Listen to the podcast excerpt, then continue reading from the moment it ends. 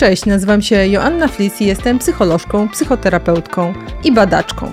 W 2023 roku postanowiłam odkryć, jak to jest żyć po dorosłemu. Często bowiem lubimy myśleć, że dojrzałość jest dla nudziarzy, którym bliżej do kapci niż do ciekawego życia. Czasem wydaje nam się, że dojrzałość bierze się z wieku, a nie ze stanu umysłu. Ja uważam zupełnie inaczej i właśnie dlatego w drugiej serii podcastu Madame Monday przekonam Cię, że dorosłość zaczyna się, gdy odkrywasz, że życie rozczarowuje, a dojrzałość, gdy mimo to potrafisz przeżyć je dobrze. Przeżyjmy zatem je dobrze razem, po dorosłemu. Ten podcast powstaje dzięki patronom na Patronite, a mnie znajdziesz na Instagramie i na Facebooku pod hasłem psycholożka Joanna Flis. Cześć, dzień dobry, witam Was serdecznie w kolejny poniedziałek. Tym razem poniedziałek grudnia, jeden z ostatnich przed świętami i ostatnio nagrałam dla Was odcinek na temat świąt po dorosłemu, a dzisiaj takie taki mały przerywnik, bo trochę porozmawiam z Wami i poopowiadam Wam o tym, e, czym jest rozwój osobisty po dorosłemu, a żeby to zrobić, zaprosiłam do e, dzisiejszego odcinka dwie wspaniałe gościnie. Pierwsza z nich to Małgosia Mielcarek, która napisała fantastyczną książkę o syndromie oszustki, syndromie, który często nas niszczy, niszczy nas jako kobiety. E, Małgosia jest dziennikarką, prowadzi kobiecy punkt widzenia w TVN24 Go i jest dziennikarką TVN24. Jestem bardzo, bardzo szczęśliwa, że udało mi się z Małgosią porozmawiać i że trochę zabrałyśmy się z takich różnych stron do tego syndromu oszustki i trochę sobie przepuściłyśmy ten syndrom oszustki przez naszą osobistą optykę, po to, żeby lepiej zrozumieć to, jak funkcjonujemy, jak sobie radzimy jako kobiety, ale myślę, że syndrom oszusta dotyczy też mężczyzn, jak sobie radzimy z sukcesem naszym i z rozpoznawaniem własnej wartości i z przyjmowaniem tego, że czasem w niektórych rzeczach jesteśmy naprawdę świetne.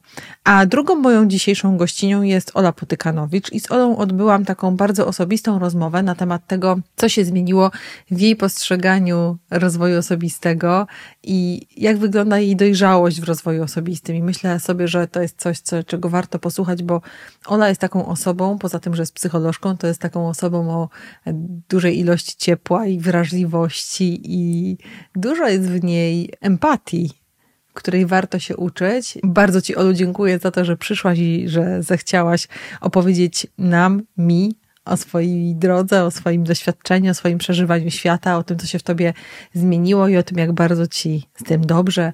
Bardzo Ci dziękuję. Ta rozmowa też zrobiła dobrze mi. Ale zanim poznacie moje gościnie, to trochę ja Wam poopowiadam o sobie i o tym, czym dla mnie jest dojrzały rozwój osobisty. Mam takie poczucie, że w całym takim doświadczeniu bycia terapeutką, psycholożką, ale jednocześnie osobą, która sama się rozwija, odeszłam od siebie tak bardzo daleko, że w zasadzie zawróciłam. Znacie to stare powiedzenie o tym, że E, odejść od siebie najdalej, jak to możliwe, oznacza wrócić. I ja mam teraz taki moment w życiu, że spróbowałam tych różnych technik, narzędzi do pracy ze sobą, własnym dobrostanem, do pracy z ludźmi, bardzo skomplikowanych niektórych, niektórych e, wymagających ogromnych pokładów wysiłku i energii, niektórych bardzo ciekawych, spektakularnych i egzotycznych, a teraz wróciłam do siebie, do takich starych narzędzi, których używałam dawno, dawno temu, jeszcze jako młoda dziewczyna, a czasem jako dziecko, i nagle się zorientowałam, że te intuicyjne wybory, których dokonywałam, były dla mnie najlepsze. Nagle się okazuje, że ja naprawdę potrzebuję garści praktyki, miejsce tony teorii, że ja po prostu potrzebuję rytmu dnia, że potrzebuję ruchu, że potrzebuję dobrego jedzenia, że potrzebuję e, snu przede wszystkim, takiego, który po prostu zadbam, że potrzebuję relacji e, z ludźmi, że potrzebuję czasem dobrze zjeść coś smacznego, co sprawi mi przyjemność, że potrzebuję ciepłych kąpieli. I ostatnio nawet odkryłam dla siebie morsowanie i wróciłam do takiego momentu, w którym odkryłam, że ciało jest nieodłącznie połączone, jakkolwiek to nie brzmi, z naszą psychę i że czasem możemy do tej naszej psychę docierać e, przez język, którego używamy, czyli używać tej werbalnej części naszego jestestwa, żeby coś tam zmieniać. Możemy dokonywać pewnych wglądów, uprawiać nowe opowieści, narracje na temat nas i życia, zmieniać przekonania, które nam towarzyszą, i to jest szalenie ważne, ale czasem ta droga wiedzie przez ciało i to ciało jest równie ważne w procesie dbania o nasz dobrostan i zdrowie psychiczne, co nasza głowa. Mam takie wrażenie, że dużo technik terapeutycznych to są techniki, które zdominowane zostały przez to słowo, tak? przez tą obecność tej części werbalnej i że zapominamy o czymś takim, że jest w nas pewna część umysłu niemego, czyli wszystko to, czego nazwać nie potrafimy, E, czego nie potrafimy właśnie zwerbalizować, a co jest w nas żywe. I wydaje mi się, że ten umysł niemy, nie mylcie go z nieświadomością, e, czyli część naszej też intuicji, tego, co tam nas szturcha od spodu, ale nie potrafimy tego w jakiś sposób wyrazić, że ten nasz umysł niemy to jest takie miejsce, do którego mamy dostęp przez ciało. A z drugiej strony myślę sobie o tym, że kiedy dbamy o ciało i pewną regularność takiego postępowania z tym ciałem, i szacunek do tego ciała, to ono tworzy dla nas doskonałe warunki do tego, żebyśmy zadbali o psychę i tak jak jest taka stara zasada, wiecie, w diagnostyce e, związanej z psychosomatyką, że najpierw sprawdzamy ciało, a jeżeli to ciele się nie mieści, co nam się przytrafia, na przykład jakiś rodzaj bólu, to wtedy dopiero poszukujemy e, źródeł w naszej psyche. Tak samo w rozwoju osobistym, że jak nie zadbamy o dobre początki, o taką bazę, naprawdę bazę dobrego, zdrowego funkcjonowania, to trudno mówić o jakichś możliwościach związanych ze spektakularną zmianą albo o osiągnięciu spokoju, poczucia bezpieczeństwa, zwiększeniu poczucia własnej wartości. Bez bazy to po prostu staje się niemożliwe. Zresztą w interwencji kryzysowej, wtedy kiedy mamy do czynienia z osobą w kryzysie, bardzo często właśnie też tak patrzymy na pierwszy etap wychodzenia z kryzysu, czyli zadbaj o bezpieczeństwo fizyczne, a potem o bezpieczeństwo psychologiczne. I ja ostatnio odkrywam, że najlepszym terapeutą dla mnie jest ruch, najlepszym terapeutą dla mnie jest y, moje ciało, najlepszym terapeutą dla mnie jest woda, którą piję regularnie, jakkolwiek to brzmi banalnie, to po prostu dorosłam do pewnych truizmów, które wypełniały moje życie, kiedy byłam młodą dziewczyną, a potem wraz z rozwojem mojego doświadczenia terapeutycznego e, zaczynałam wątpić, czy to jest wystarczająco dużo i poszukiwać różnych innych, bardziej skomplikowanych i spektakularnych narzędzi zmieniania życia.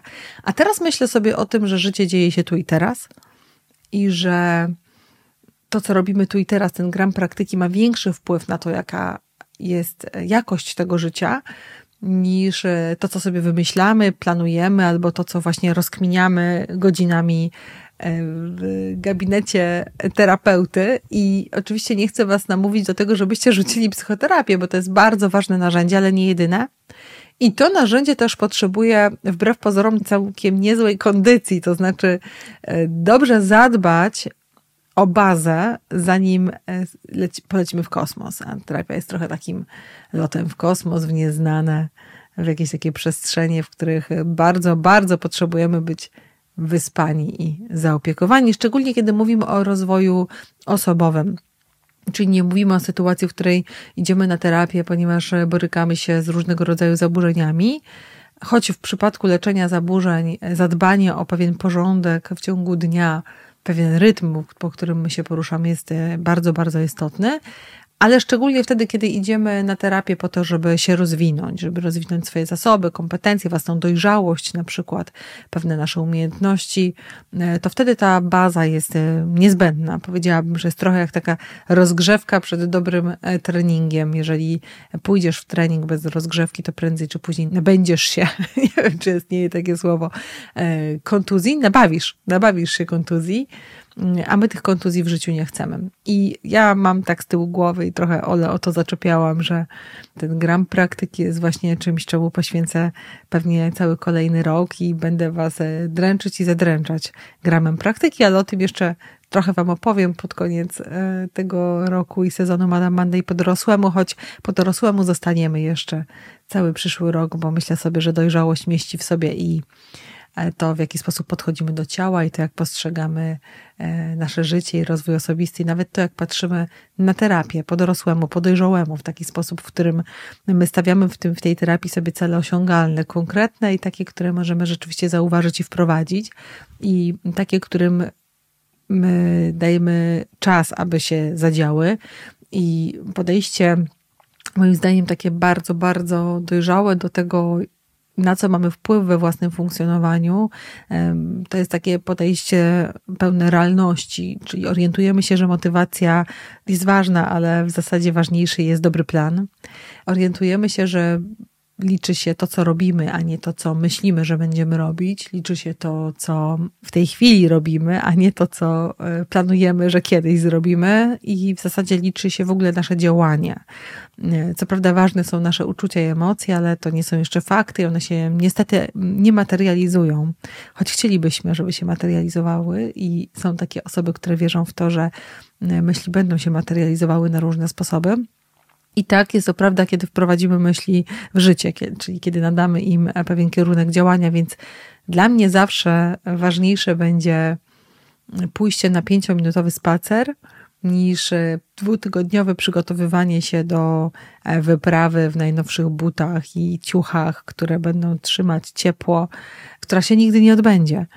I myślę sobie, że to jest taki ogromny kłopot współczesnego rozwoju osobistego i takiego podejścia w ogóle do rozwoju, że my stawiamy sobie nierealne cele albo po prostu poświęcamy mnóstwo energii na planowanie działania, a potem brakuje nam tej energii na działanie. Więc dla mnie dobry plan to taki plan, który można zrealizować teraz.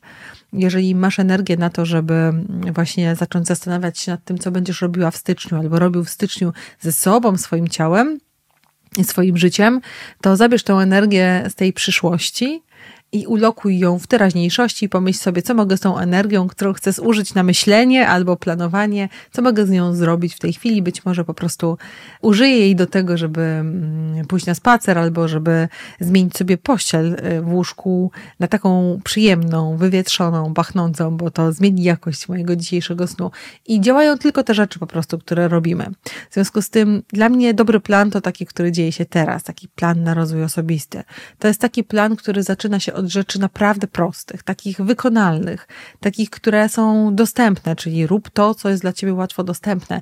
Jeżeli bardzo, bardzo trudno jest ci e, zajmować pozycję obserwatora i medytować, e, to może zajmij się tym, e, żeby ćwiczyć coś bardziej dostępnego dla siebie, na przykład po, przez pięć minut przez okno poprzyglądać się temu, co się dzieje na drzewie, które widzisz za oknem, czy tam ktoś w tej chwili mieszka, nie mieszka, jak liście spadają teraz, e, jak śnieg się topi, czy tam są sople, czy ich nie ma, bo wyjście do jaźni obserwującej z jaźni bycia obserwowanym, bo my mamy takie dwie jaźni, nie wiem, czy wiecie, e, będzie lepszym ćwiczeniem niż e, frustrowanie się na macie w poszukiwaniu pozycji obserwatora własnych myśli, czego nienawidzisz, nie znosisz już tego, drugi raz nie zrobisz, bo tyle cię to kosztowało. Więc dobry plan to na rozwój osobisty, to plan, który dzieje się teraz, który dotyczy rzeczy prostych, możliwych do wykonania i takich, które są dostępne dla ciebie.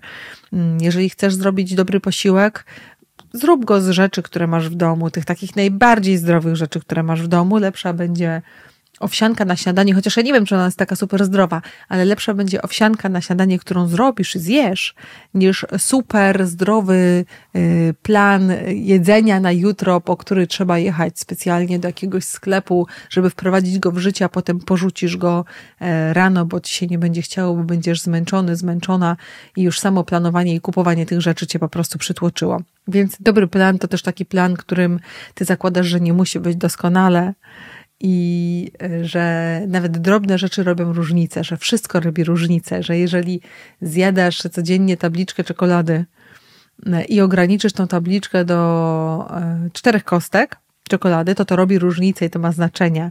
Że dobry plan to taki, w którym ty zauważasz nawet drobne zmiany, które wprowadzasz w swoje życie, a potem jesteś w stanie zauważyć różnicę, którą one wprowadzają.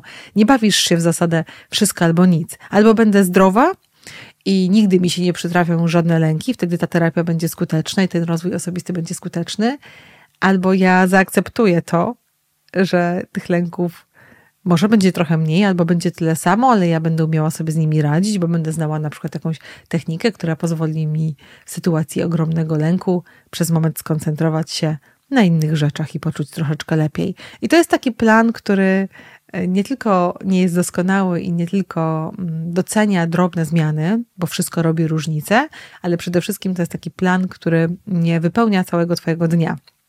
Ten rozwój osobisty nie może pożreć Twojego życia. Ono tam jest i to nie jest tak, że w życiu mamy do zmiany wszystko. Raczej do zmiany mamy parę drobnych rzeczy. Ja bym się uparła, że fajnie by było wprowadzić w ciągu dnia dwie rzeczy, dwie zmiany, a całą resztę zostaw w spokoju, bo trzeba dać czasu czas.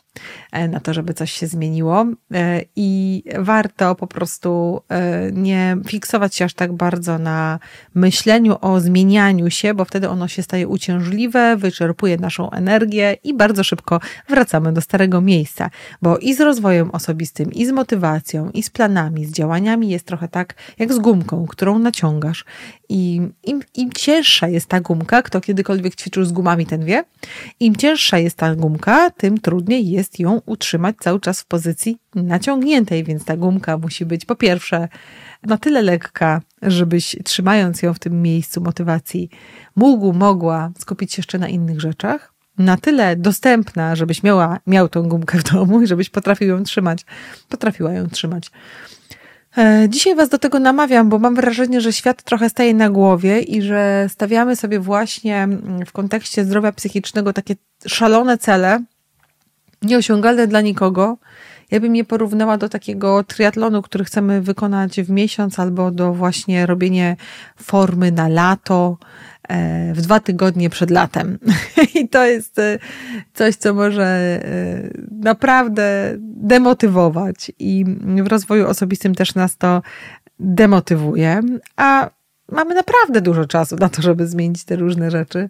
W zasadzie, jakby popatrzeć optymistycznie na świat, to przed każdym z nas jeszcze mnóstwo, mnóstwo w tygodni, w których można zrobić drobną zmianę, która zrobi dużą różnicę. I do tego Was bardzo, bardzo serdecznie namawiam i zapraszam Was w tej chwili do rozmowy z Olą Potykanowicz i o tym trochę pogadamy. Też o tym, co jej pomaga. Ola biega, jest biegaczką i na przykład Ola mnie na maksa motywuje wtedy, kiedy rano wrzuca na Instagrama takie ośnieżone e, przestrzenie, po których tam biega i mówi jest dobrze, jest fajnie, kocham jak moje policzki mnie palą. I to jest też chyba ta drobna zmiana, e, którą można wprowadzić, bo to nie muszą być spektakularne biegi, takie jak Ola, to może być po prostu wyjście codziennie rano po to, żeby poczuć ten palący mróz na policzkach. Wiecie, ja mam takie doświadczenie, że ciągam teraz na sankach mojego syna do przedszkola i e, właśnie odkryłam dzięki temu, a chodzimy tak przed siódmą, odkryłam dzięki temu, Jakie wspaniałe jest budzenie się na świeżym powietrzu. Nigdy mi się nie chce tego robić. Jak leżę w łóżku, to myślę sobie, o nie, za chwilę musimy wyjść na ten mróz. Jak ten koń pociągowy będę ciągnęła po, po ośnieżonych chodnikach i trochę nieośnieżonych chodnikach sanki, które skrzypią w każdym miejscu, w którym jest chodnik e, bez śniegu, posypany solą. Mm, nie chce mi się oczywiście tego robić, ale za każdym razem, kiedy jak idę e, w to miejsce, to tak czuję, jak to zimno wypełnia moje nozdrza i myślę sobie, wow, to jest e, lepsze niż najlepsza kawa a potem idę po kawę e, i powiem wam, że mam taki bardzo e, śmieszny rytuał, bo idę po kawę do żabki. Ja wiem, że to nie zawsze jest najlepsza kawa, a nie mam też z żabką wspólnego, nie reklamuję jej dla was w tej chwili, ale idę na ten spacer z tymi sankami, to trwa nie więcej niż 10 minut, kupuję kawę w żabce i takie perelowskie e, ciasteczka z drzemem, takie posypane e, czasami makiem, takie muszelki i to jest pełnia, pełnia szczęścia i to jest ta drobna rzecz, która robi różnicę i okazuje się, że nie chodzi o dominikanę, nie chodzi o to, żeby pobiec 11 kilometrów i nie chodzi o to, żeby zjeść super ultra posiłek, e, tylko chodzi o to, żeby yy, zbliżyć się do swoich emocji i zobaczyć, że wow, może być też radocha w takich drobnych rzeczach. O tym będę trochę z Olą rozmawiała. Zapraszam Was słuchajcie, na rozmowę z Olą Potykanowicz, psycholożką, którą cenię, lubię i którą już wielokrotnie pewnie u mnie na Instagramie widzieliście.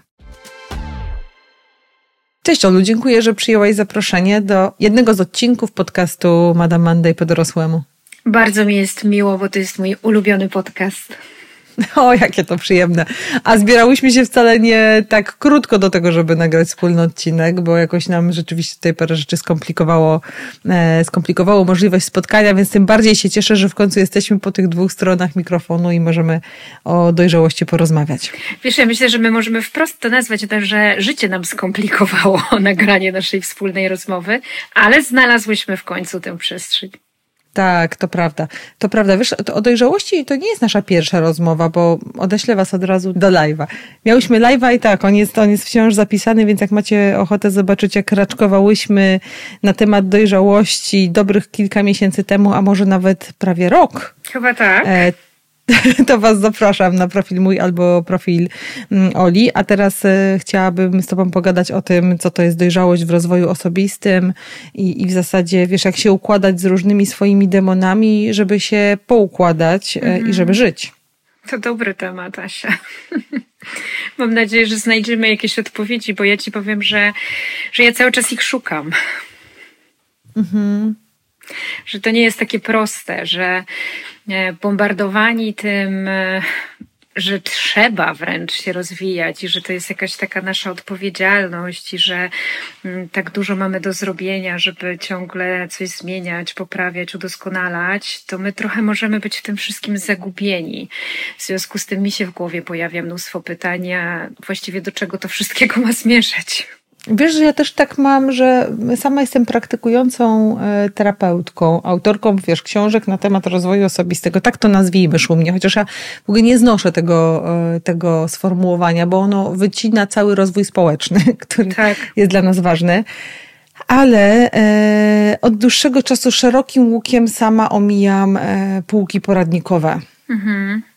Czyli ja czuję, że po prostu to nie jest tak, że jak więcej tych porad e, łyknę i jak e, poszerzę e, te spektrum narzędzi, z których mogę skorzystać, żeby, no nie wiem, poczuć się lepiej, to że to będzie bardziej skuteczne. Wręcz przeciwnie.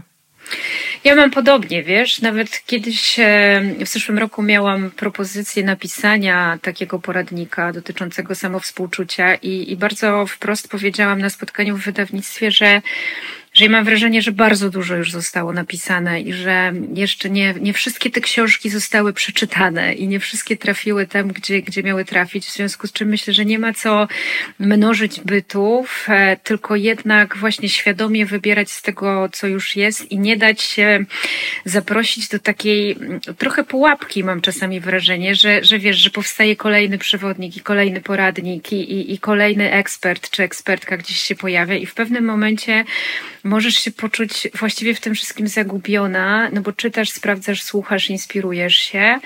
I właściwie czasami nic z tego nie wynika, bo jesteś cały czas w procesie zdobywania tych informacji, a nie wdrażania ich w życie. Wiesz, to jest bardzo ważne, o czym mówisz, bo raz, że zdobywasz informacje, a dwa, że ich nie masz szansy mm, wpuścić w swoje życie i doświadczyć też, jak one w tym Twoim życiu pracują, no bo przecież nie wszystkie te informacje są szyte na naszą miarę.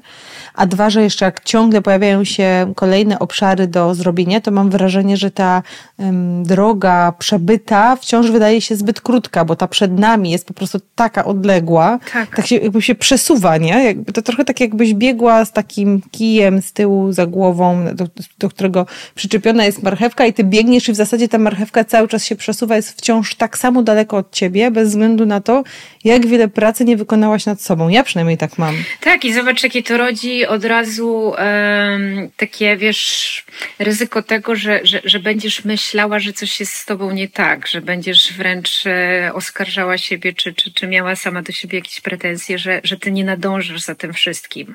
Że jak ci inni ludzie to godzą, skoro mają pracę, rodziny i różne inne rzeczy i jak oni znajdują jeszcze czas na te wszystkie lektury i na te wszystkie warsztaty i tak dalej, i tak dalej. I trochę się zapętliliśmy w jakiejś takiej właśnie pogoni za czymś niemożliwym chyba. I pytanie takie, które wiesz, mi się w głowie pojawia, to to po co w ogóle my to robimy i dlaczego dajemy się e, zaprosić do tego wyścigu w kierunku rozwoju osobistego? Ja nie znam odpowiedzi na to pytanie, ale wiem, że w kulturze pracy i całego tego, wiesz, jakby podążania za bycia coraz lepszym pracownikiem roku, jest wiele takich koncepcji filozoficznych mówiących o tym, że uwewnętrzniliśmy zewnętrznego opresora, czyli że jeszcze tak. tam 100 lat temu był ktoś, kto nas popędzał batem. I teraz też czytałam książkę Hamstwo e, o niewolnictwie między innymi, o życiu chłopa pańszczyznanego i tak sobie pomyślałam, no tak, tam na zewnątrz był ten ktoś, kto popędzał kto smagał batem i kto mówił, musisz dać siebie więcej, a jak nie, to możesz stracić nawet życie.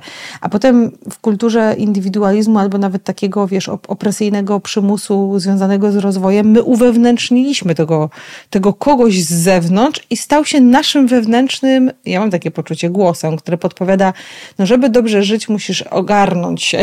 musisz się ogarnąć na wielu poziomach. Ja zresztą mam, nie wiem jakie ty masz doświadczenie, ale ja mam takich pacjentów, którzy przychodzą nie dlatego, że czują się ze sobą źle, tylko żeby na wszelki wypadek sprawdzić, czy przypadkiem coś z nimi nie jest nie tak. Tak.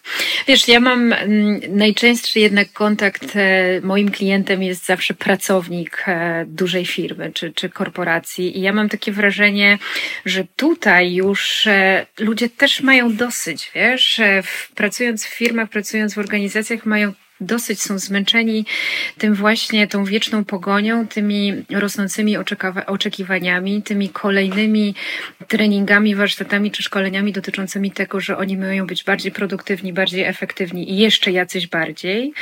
A właściwie chyba mają taką ogromną potrzebę, żeby się zatrzymać i, i, i zobaczyć, co ja już mam i z czego ja mogę czerpać z tego, co już mam w sobie, a nie ciągle więcej i bardziej. I, I, myślę, że to jest ważna kwestia, wiesz, że my być może już naprawdę dużo mamy i można poukładać fajnie na tym, co ja już mam w sobie, już nie muszę więcej. A masz tak, że czujesz w swoim życiu, że już dużo masz i że jesteś w stanie to e, docenić albo powiedzieć sobie, okej, okay, e, stara, to jest wystarczające. Jestem coraz bliżej tego punktu, wiesz. Myślę sobie, że to jest też moja, moja historia o mojej, moim poszukiwaniu dojrzałości i że to mm, właściwie od jakiegoś roku czy dwóch jest mi coraz bliższe i coraz bardziej czuję, że, że jest dobrze, że, że wystarczy mi to, co mam. I tak jak powiedziałeś, że ty pomijasz półki z poradnikami, tak, tak wiesz, ja już e, też pomijam i też nie chcę sobie narzucać tego obowiązku, wręcz, że ja mam się jeszcze bardziej rozwijać i jeszcze bardziej doskonalić, bo ja chcę jednak czerpać z tego, co mam. I trochę dzięki temu zatrzymać się, wiesz, i, i trochę zahamować ten szalony pęd, bo znowu w tym pędzie za rozwojem ja myślę, że ucieka nam mnóstwo wartościowych rzeczy, które dzieją się tu i teraz, dzieją się wokół nas, wiesz? Jeśli my się tak zapętlamy w tej pogoni za tym, żeby doskonalić siebie, to być może w tym moim doskonaleniu siebie na przykład tracą moi najbliżsi, bo ja nie poświęcam im tyle, ile mogłabym im poświęcić, gdybym się bardziej skupiła jednak na tym tu i teraz.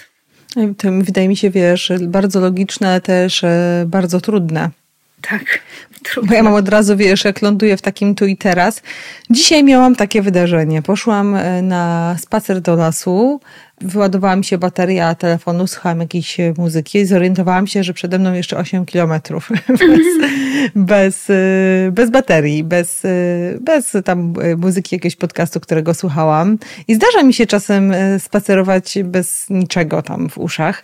Natomiast najczęściej jest to kwestia wyboru, czyli myślę sobie, okej, okay, taki mam cel, że idę na te 10 kilometrów, nie będę zagłuszała niczym śpiewu ptaków, to jest ten dzień. No mhm. No tutaj to się wydarzyło tak po prostu, życie wzięło wzięło mnie e, pod włos i e, w pierwszym momencie poczułam naprawdę ogromny taki, e, ojej, niepokój, a potem pomyślałam sobie, no dobra, bo to się rozejrzę dookoła i w ogóle zorientowałam się, że przez długą część tego spaceru szłam z oczami wbitymi w ziemię, Mhm. Że dopiero podniosłam do góry głowy, zaczęłam się, wow, jak to ładnie.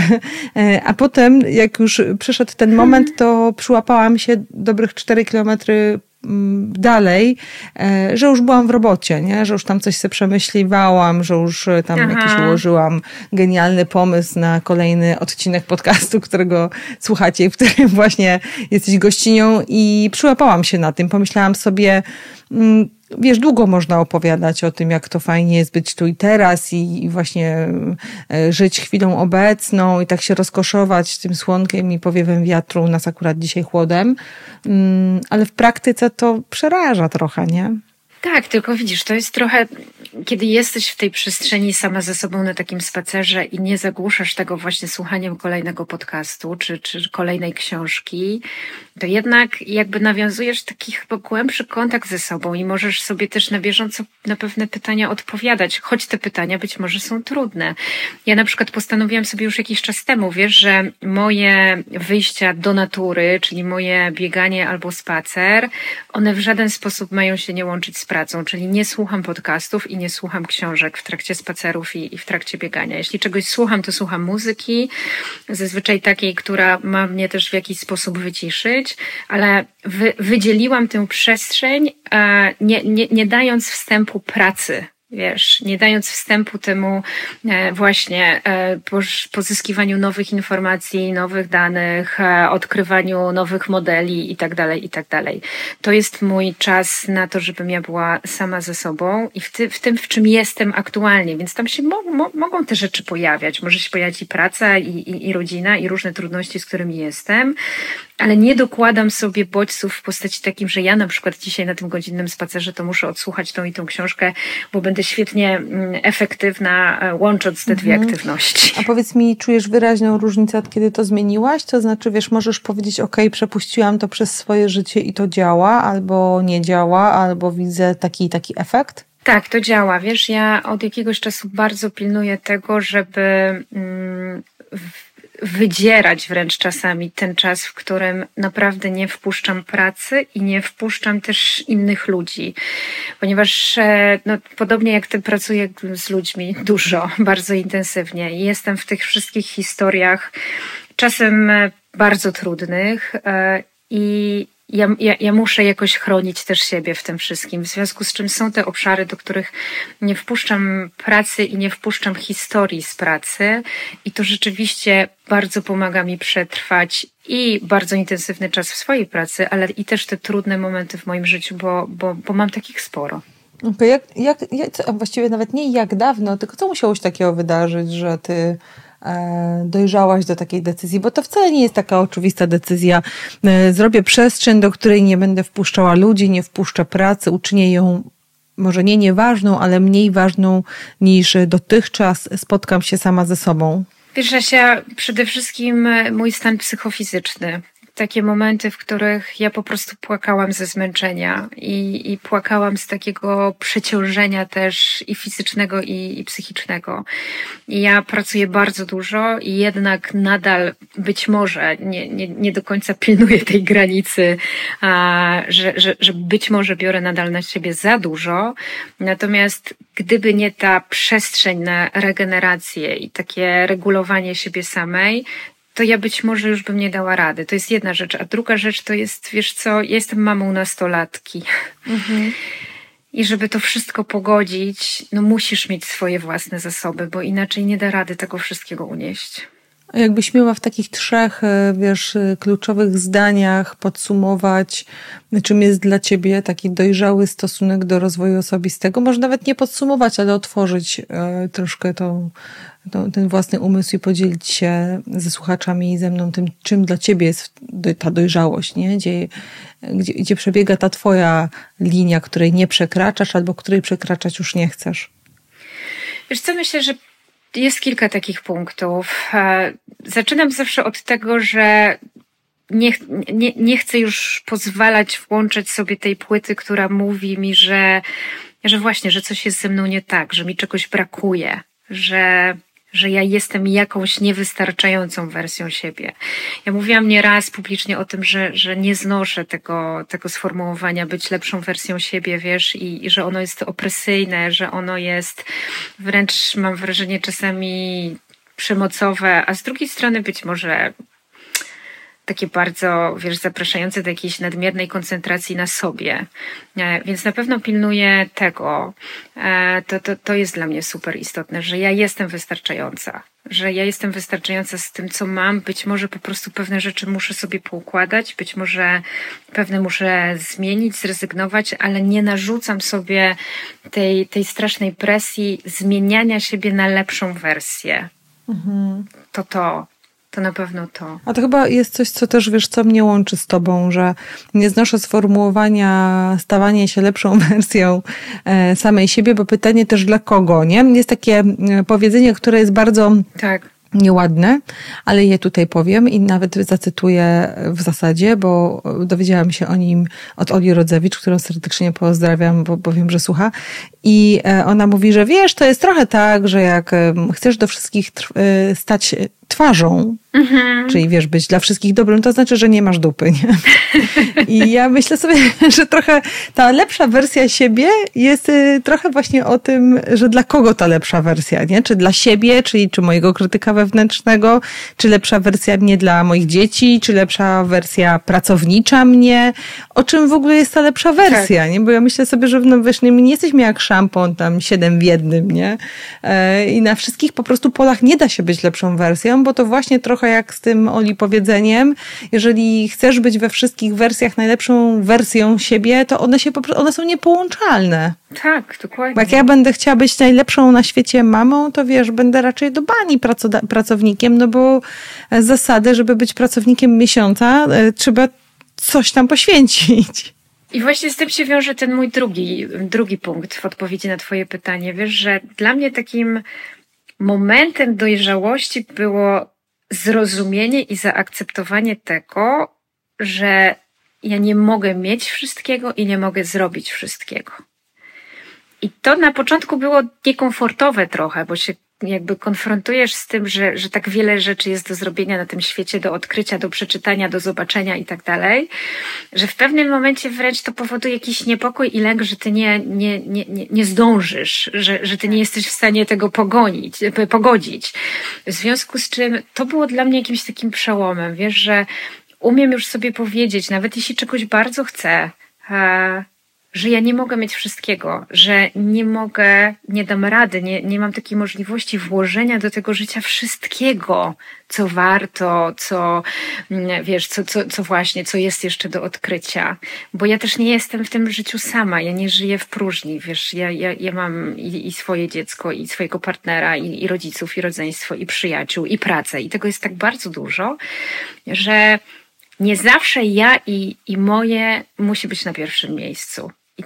to dla mnie było też takim odkrywaniem siebie dojrzałej. Co ty opowiadasz?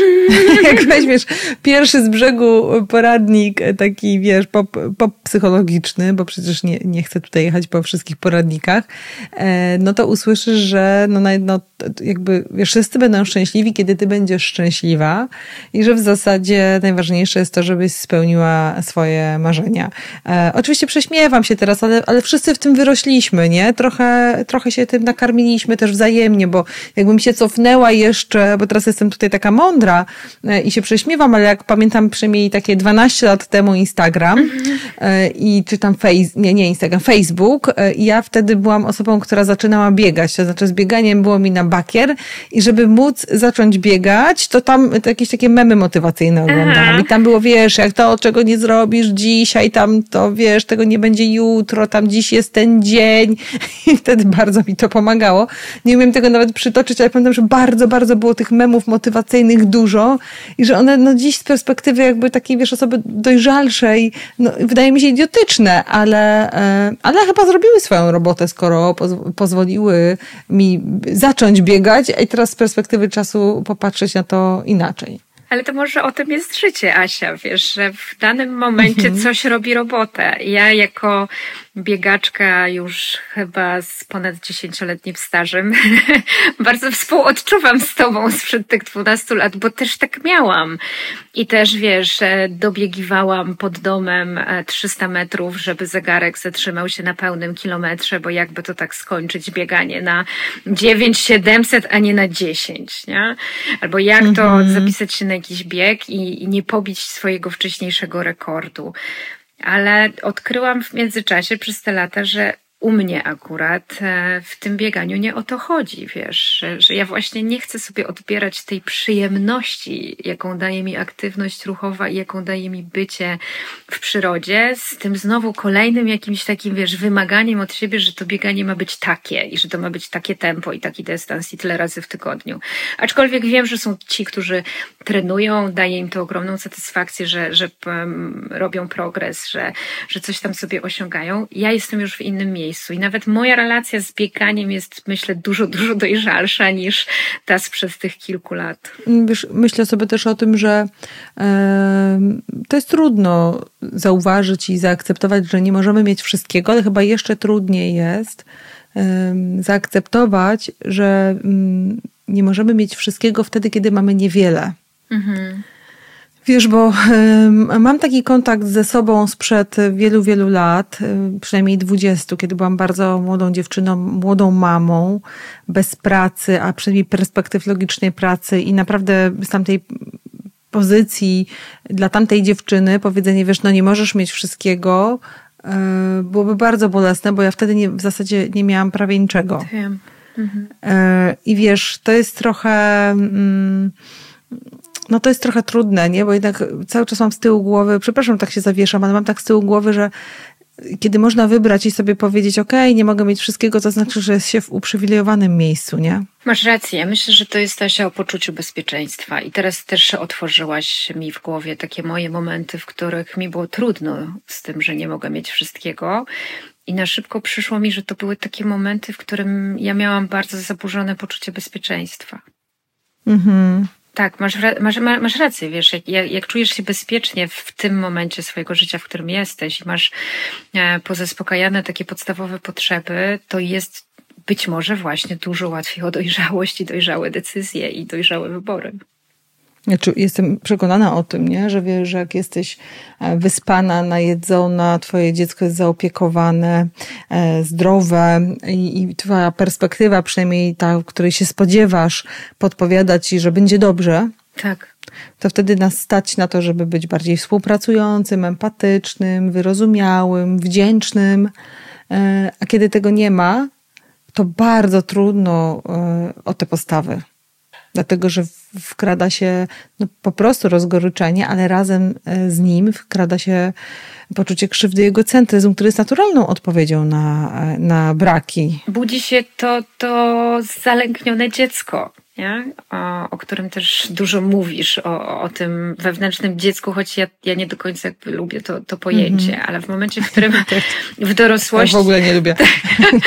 jeśli w dorosłym życiu brakuje ci bezpieczeństwa i, i brakuje ci, masz, nie masz tych podstaw, nie masz tego fundamentu, no to tak, to, to, to, to jesteś trochę tym dzieckiem, które właśnie musi znaleźć sobie tego mądrego, dojrzałego dorosłego, który będzie umiał jakby podjąć decyzję, że, że, że teraz trzeba zadbać o te podstawy, a później, po, po, mhm. później pomyślimy, co dalej. By, być może później, wiesz, e, coś lepszego, coś ważniejszego. Dlatego dużo mam takiego współczucia dla ludzi, którzy i zrozumienia. Może współczucie to nawet nie jest najlepsza, e, najlepsze słowo, bo współczucia to mam dużo do siebie w przeszłości. Tak. Natomiast dużo zrozumienia mam, wiesz, do ludzi, którzy się koncentrują właśnie w tej chwili na tym, żeby, wiesz, e, zdobyć się kasę na przykład, mhm. nie? Albo poczucie bezpieczeństwa. Bo z pozycji uprzywilejowanej to można powiedzieć, no pieniądze to, wiesz, nie wszystko na tak. przykład. Tak. No ale tak, no ale mówię to wtedy, kiedy wiem, że na jutro mam zrobione zakupy w lodówce tak. i opłacone rachunki. A kiedy tego nie ma, no to to jest wszystko, nie? To jest wszystko i trudno powiedzieć, żeby, żeby, wiesz, można było gdzieś poza to wyjść.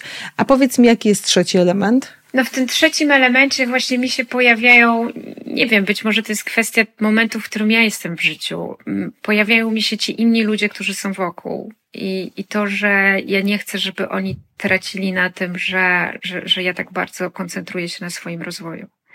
Ale nie chcę, żeby to wybrzmiało w, jakby w kontrze do tego, co też często kobiety słyszą i co też same do nich mówimy w kategoriach czy kobiety, czy mężczyźni, że, że to zadbanie o siebie jest ważne. Bardziej myślę o takim, że wiesz, o, o pewnej granicy. Że, że ja wiem, że ja jestem ważna, że moje potrzeby są ważne, ja szukam na nie mm, przestrzeni, a poświęcam na nie swój czas, ale bardzo chcę pilnować tej granicy, żeby nie mhm. zapomnieć że wokół mnie są ludzie, którzy również mnie potrzebują. Że pełnisz jeszcze jakieś inne role. Tak. Nie? Oczywiście, że tak. Społeczne, tak. życiowe i że te role być może są równie ważne jak ta rola bycia samym sobą. Tak. Bo nam się y, chyba tak trochę porobiło, że to bycie autentycznym i bycie sobą i życie swoim życiem jest takie, wiesz, no ultra najważniejsze, a potem okazuje się, że no jest ważne, ale jest równie ważne. Tak jak z poczuciem własnej wartości jesteśmy równie ważni i równie wartościowi co inni, ale nie bardziej. Tak. My, my, kiedyś nawet o tym rozmawiałyśmy chyba przy okazji naszych rozmów przed tym e, live'em na Instagramie. To, to było jakoś też tak chyba październik, listopad i opowiadałam Ci o takich moich rozkminach dotyczących świąt Bożego Narodzenia, że że tak mnie bombardują zewsząd te, te, te zalecenia, że jeśli masz ochotę spędzić te święta po swojemu, to spędź je po swojemu, wyjedź tam tak. do ciepłych krajów i tak dalej. I wtedy tak mi się obudziło, że wiesz, ja bym chciała to zrobić. Ja chciałabym spędzić raz na jakiś czas te święta po swojemu, albo może już każde święta spędzać po swojemu inaczej ale czuję się w jakiś sposób zobowiązana do tego, że ja mam rodziców, którzy mi poświęcili lata swojego życia i być może też chcieli wtedy spędzać święta po swojemu, a jednak, dba, a jednak, a jednak dbali o swoje trzy córki. E, I ja czuję, że, że wiesz, nie chciałabym użyć określenia, że jestem mi coś winna, ale że dojrzała odpowiedzialność jest bardzo powiązana z tym, że masz wokół siebie jeszcze tych ludzi, że oni dali ci coś w życiu, w związku z czym ty dochodzisz do takiego momentu, w którym też możesz im coś dać. E, więc to, to, to jest ten mój trzeci kawałek, czyli rozwijam siebie i jestem dla siebie ważna i stawiam siebie samą na bardzo ważnym miejscu, ale właśnie nieważniejszym niż inne ważne osoby w moim życiu.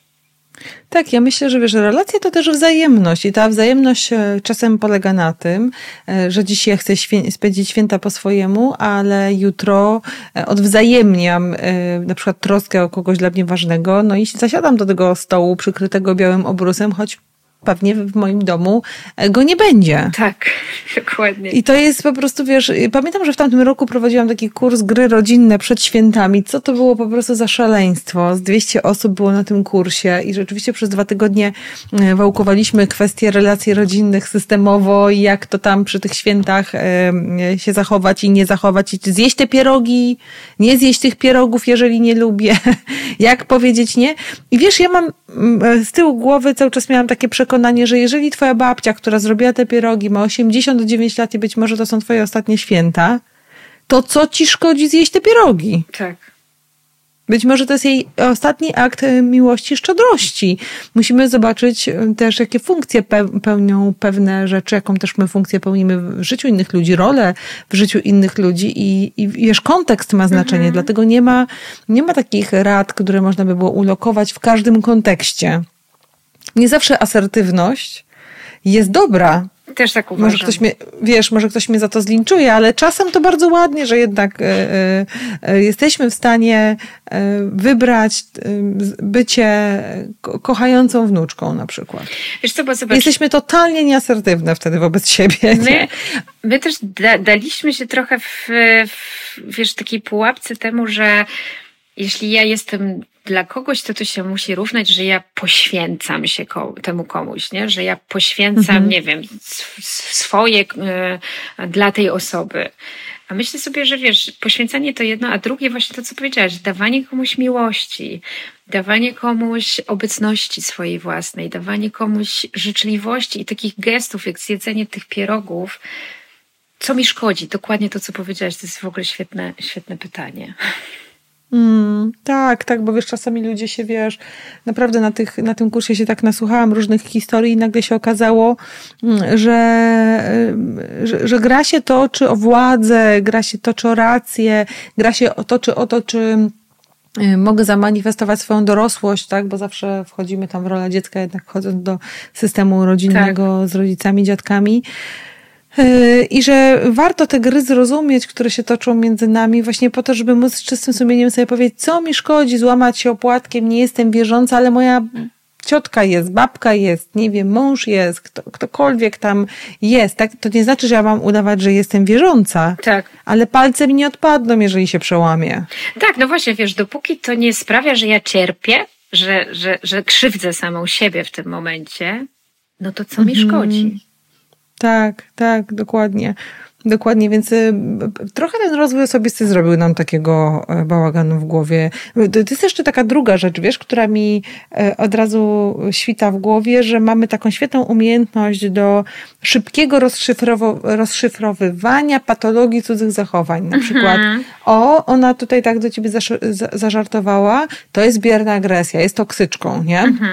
Albo on tak do ciebie powiedział, albo tak spojrzał, albo nie spojrzał, albo cokolwiek zrobił, no on jest toksykiem, bo to było zachowanie jakieś tam, nie? E, coś z tobą rozgrywa, coś tutaj próbuje zamanipulować. To jest szantaż emocjonalny.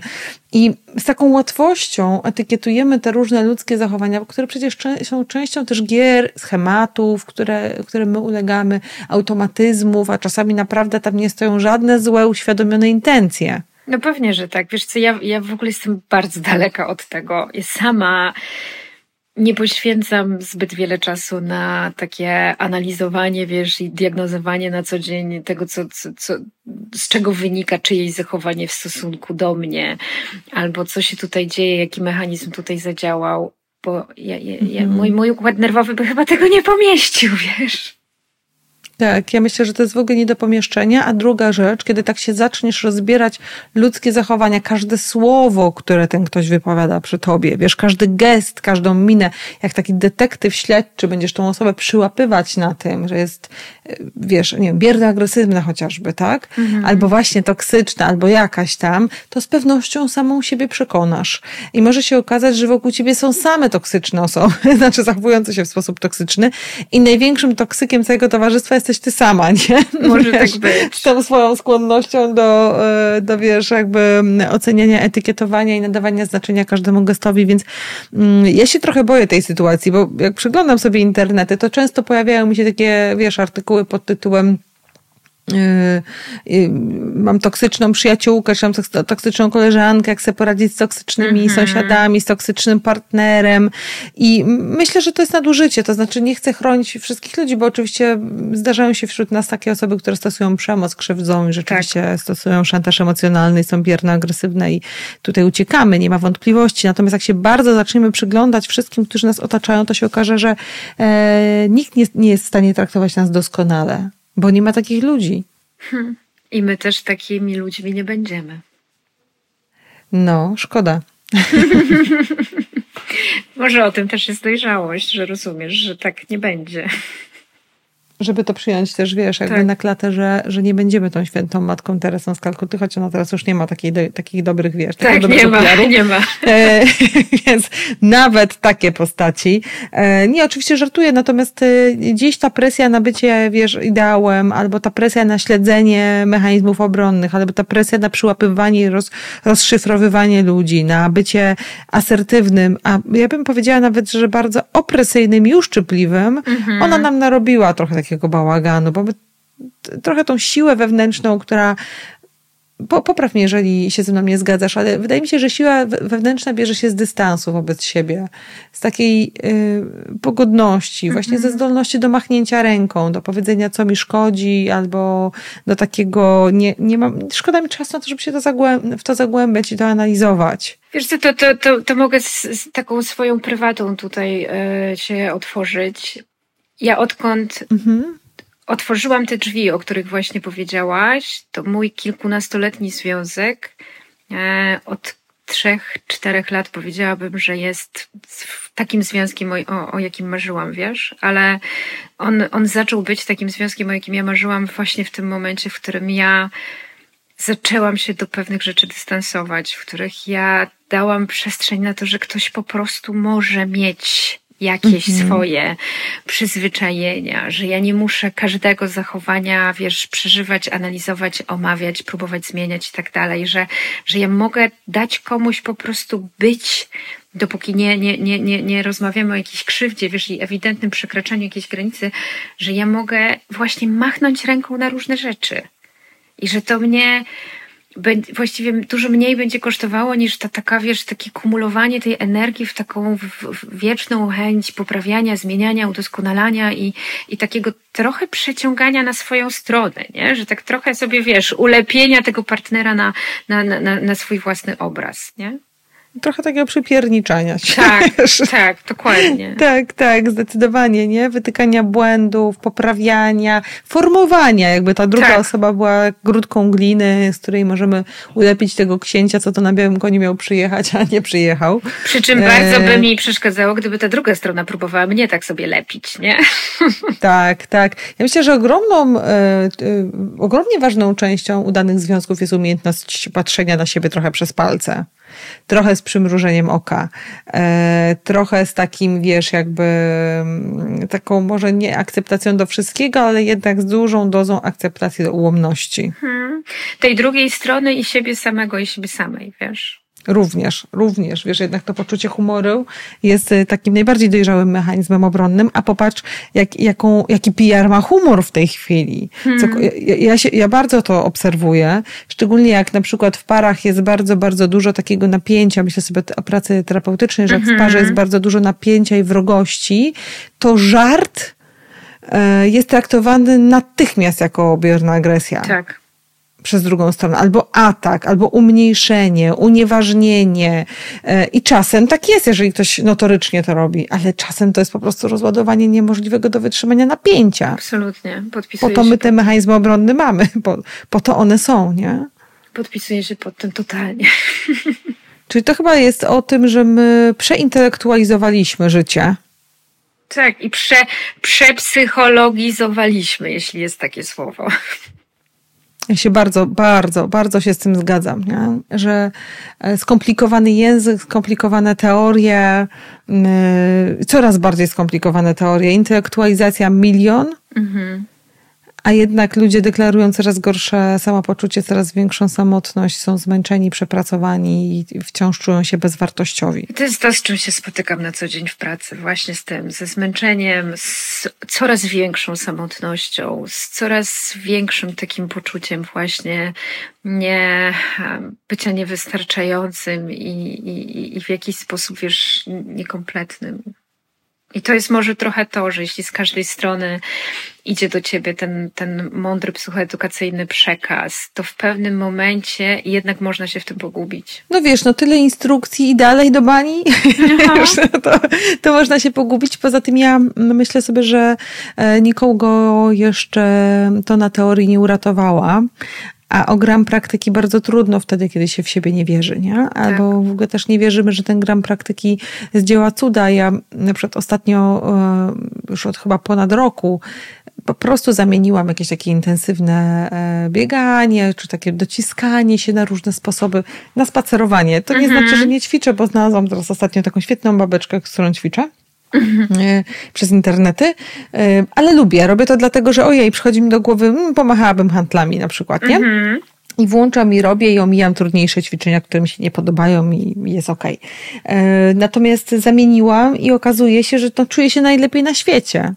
Nie miałam jeszcze tak dobrej też kondycji, bo przeszłam tyle kilometrów, że bez tego wewnętrznego przymusu nagle się okazało, że z radochy Hmm. Zrobiłam dużo więcej niż wtedy, kiedy robiłam to pod pewien takim, takim pewnym pręgierzem, nie? który na siebie nakładałam. Wspaniale się tego słucha, Asia, wiesz, bo, bo, bo, bo jestem już w tym miejscu. W tym, w tym kontekście właśnie takiego mojego dbania o siebie poprzez aktywność fizyczną, bo to jest moja podstawa dobrostanu.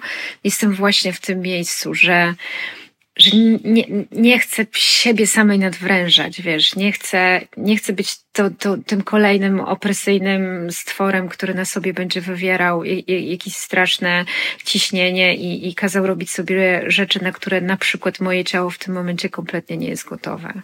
I to jest wspaniałe podsumowanie naszego dzisiejszego spotkania. Bardzo Ci dziękuję. dziękuję Ci. Dziękuję Ci serdecznie. Dziękuję bardzo.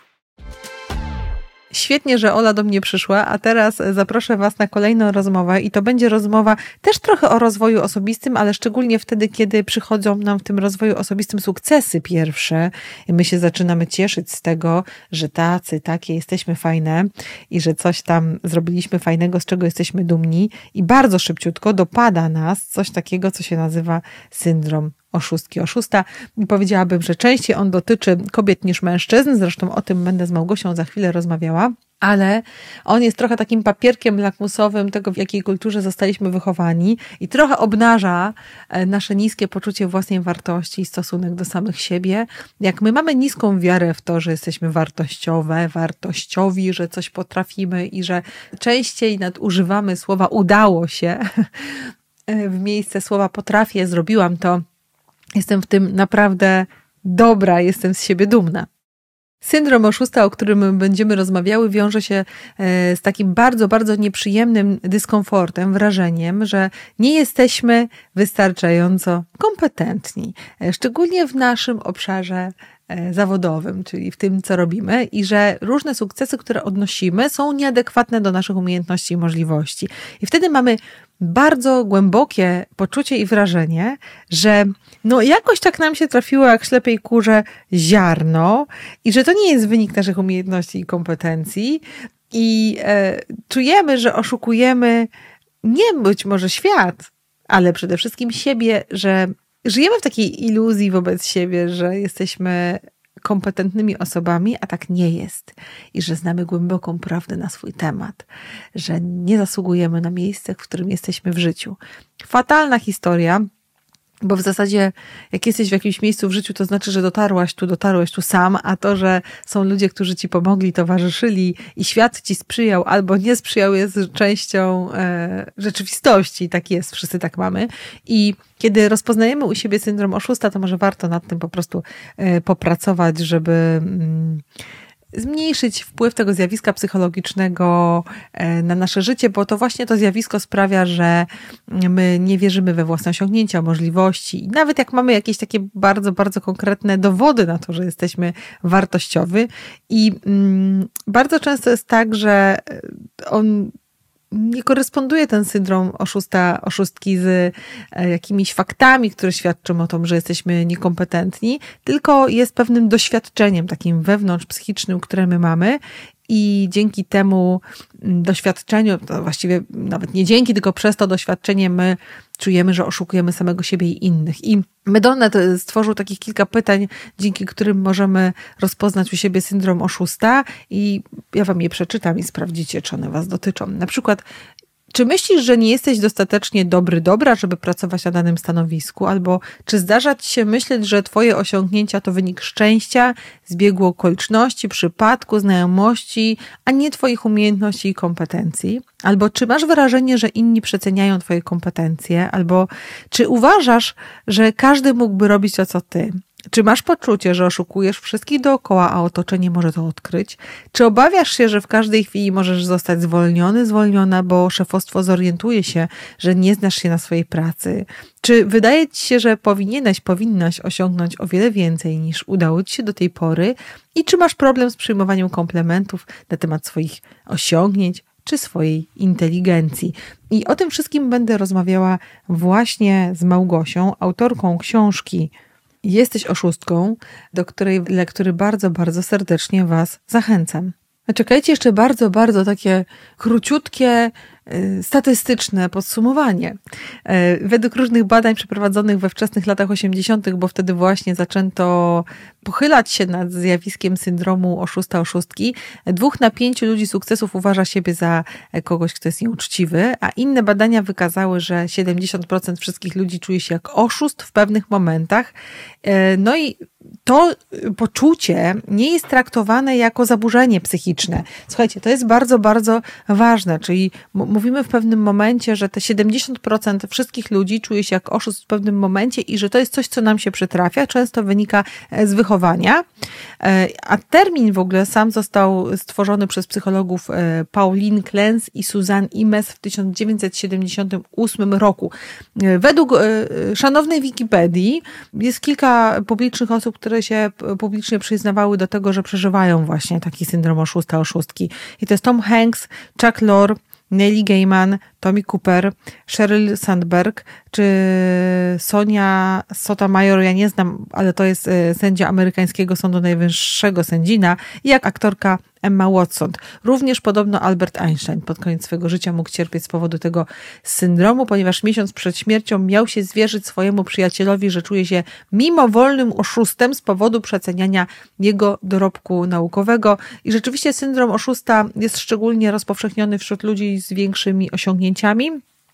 E, no i syndrom oszusta jest po, po, powszechny w środowisku e, naukowym, na przykład, między innymi. Bardzo to jest ciekawe. Zachęcam Was serdecznie do wysłuchania tej rozmowy. Cześć Małgosiu, dziękuję, że przyjęłaś zaproszenie do podcastu Madame Monday e, po dorosłemu. Dzień dobry, cześć, bardzo mi miło. Bardzo się cieszę na naszą rozmowę, bo od dawna słuchacze i słuchaczki e, proszą mnie o podcast na temat e, syndromu szóstki, syndromu oszusta i tego wszystkiego, co się e, z doświadczeniem siebie właśnie jako oszusta, oszustki wiąże. I bardzo, bardzo się cieszę, że wydałaś taką książkę. Bardzo mi miło i przyznam, że chyba jeszcze cały czas mnie zaskakuje to, jak wiele osób mówi, że mnie też to dotyczy, bo jeszcze jak przystępowałam do pisania tej książki, nie zdawałam sobie sprawy z tego, jak ogromna skala tego problemu istnieje, szczególnie właśnie wśród kobiet. I to już zaznaczały moje rozmówczynie. Od niektórych z nich e, słyszałam na samym początku, kiedy mówiłam im, jaki jest pomysł na tę książkę, to niektóre z nich wykrzykiwały, ale to będzie o mnie. I teraz, kiedy słyszę od moich e, czytelniczek, odbiorczeń, e, widzek, e, bo też są to widzki mojego programu Kobiecy Punkt Widzenia, to e, tym bardziej utwierdza mnie to w przekonaniu, że to był dobry pomysł, żeby się za to zabrać i temu się bliżej przyjrzeć. Opowiedz coś więcej na temat tego syndromu dla wszystkich tych, którzy po raz pierwszy to słyszą, a pewnie całej reszcie też przyda, przyda się powtórka. To przede wszystkim są wątpliwości, wątpliwości w samą siebie. I będę mówić tutaj o kobietach, bo kobietom się bliżej przyglądam, natomiast oczywiście jest to syndrom, który dotyczy również mężczyzn. Natomiast ja stawiam tezę, że jest to problem, który u kobiet wynika z zupełnie innych uwarunkowań, e, z tych uwarunkowań systemowych, blokad systemowych, e, które wokół kobiet istnieją. Natomiast to polega na tym, że wątpimy w same siebie, w swoje możliwości, w to, że nie zasługujemy na miejsce, w którym jesteśmy, nie zasługujemy na tę pozycję, w której się obecnie znajdujemy. I zwykle syndrom oszusta um, przypisuje się do sytuacji zawodowych. Natomiast ja bym rozszerzyła to także o nasze inne role, jakie jako kobiety wypełniamy, czyli rolę matek, rolę gospodyń domowych, e, rolę córek, sióstr, bo często wątpimy w to, że te role wypełniamy w stu procentach, bo rzecz jasna od kobiet zwykle wymaga się, żeby każdą z tych ról wypełniały idealnie i mamy takie poczucie, że powinnyśmy być w każdej z tych ról perfekcyjne. Oczywiście nie jest to możliwe, więc często wydaje nam się, że zawodzimy na którymś z tych pól i Syndrom oszusta sprowadza się również do tego, że nieustannie próbujemy to ukryć i próbujemy odgrywać te role na zewnątrz jak najlepiej i pokazywać, jakie jesteśmy perfekcyjne na zewnątrz. Natomiast w środku cały czas mamy poczucie, że na którymś z tych pól zawodzimy i że kogoś oszukujemy i że jesteśmy właśnie tymi oszustkami, które na zewnątrz y, tworzą taką piękną otoczkę, natomiast w środku nieustannie zmagamy się z tymi potężnymi wątpliwościami w same siebie i z takim poczuciem, że zawodzimy na którymś z tych pól. A myślisz, że to jest tak, że kultura e, mediów społecznościowych e, i szczególnie Instagrama, że ona nasila syndrom oszustki? Z pewnością tak, bo to jest to środowisko, w którym wszyscy starają się pokazać z jak najlepszej strony, a syndrom oszusta, oszustki e, także jest silnie uwarunkowany tym porównywaniem się do innych osób, w tym przypadku najpewniej do innych kobiet. Kiedy widzimy, że inne kobiety są perfekcyjne w każdej z tych ról, które wykonują, bo tylko w taki sposób się prezentują w mediach społecznościowych, wówczas my mamy poczucie, że zawodzimy e, na którymś z tych pól. Ale ciekawe jest też to, że poruszyłaś ten aspekt mediów społecznościowych, bowiem on też e, uwidacznia taką, taki aspekt e, odbierania sobie głosu, który ja także poruszam właśnie w ramach swojej książki i w rozmowach z moimi bohaterkami bo syndrom oszustki także sprowadza się do tego, że wydaje nam się, że wszystko, co chcemy przekazać, jest wtórne, jest nieciekawe, to, że mhm. kobiety często same sobie odbierają głos. E, I nawet nie mówię już tylko o mediach społecznościowych, ale także w grupie. Jeżeli mówimy o sytuacjach zawodowych, no to w takich spotkaniach biznesowych. E, kobiety czasami nie chcą zabrać tego głosu, bo wydaje im się, że to, co inni mówią, bo do innych nieustannie się porównujemy, jest dużo ciekawsze. Oni są lepiej przygotowani, pewnie lepiej wykształceni. Natomiast my, e, to, co mamy do przekazania, to jest coś, co wszyscy już wiedzą, więc po co będę się odzywać, lepiej będę milczeć. I to oczywiście można sprowadzić do sytuacji, bo rozmawiam na przykład też z polityczkami, do sytuacji, kiedy te kobiety e, wycofują się z tego, żeby zabrać głos na mównicy sejmowej albo na konferencji prasowej, są upychane gdzieś tam z tyłu, bo same też nie, często nie upominają się o to, żeby być gdzieś na froncie, choć na szczęście to się już powoli zmienia.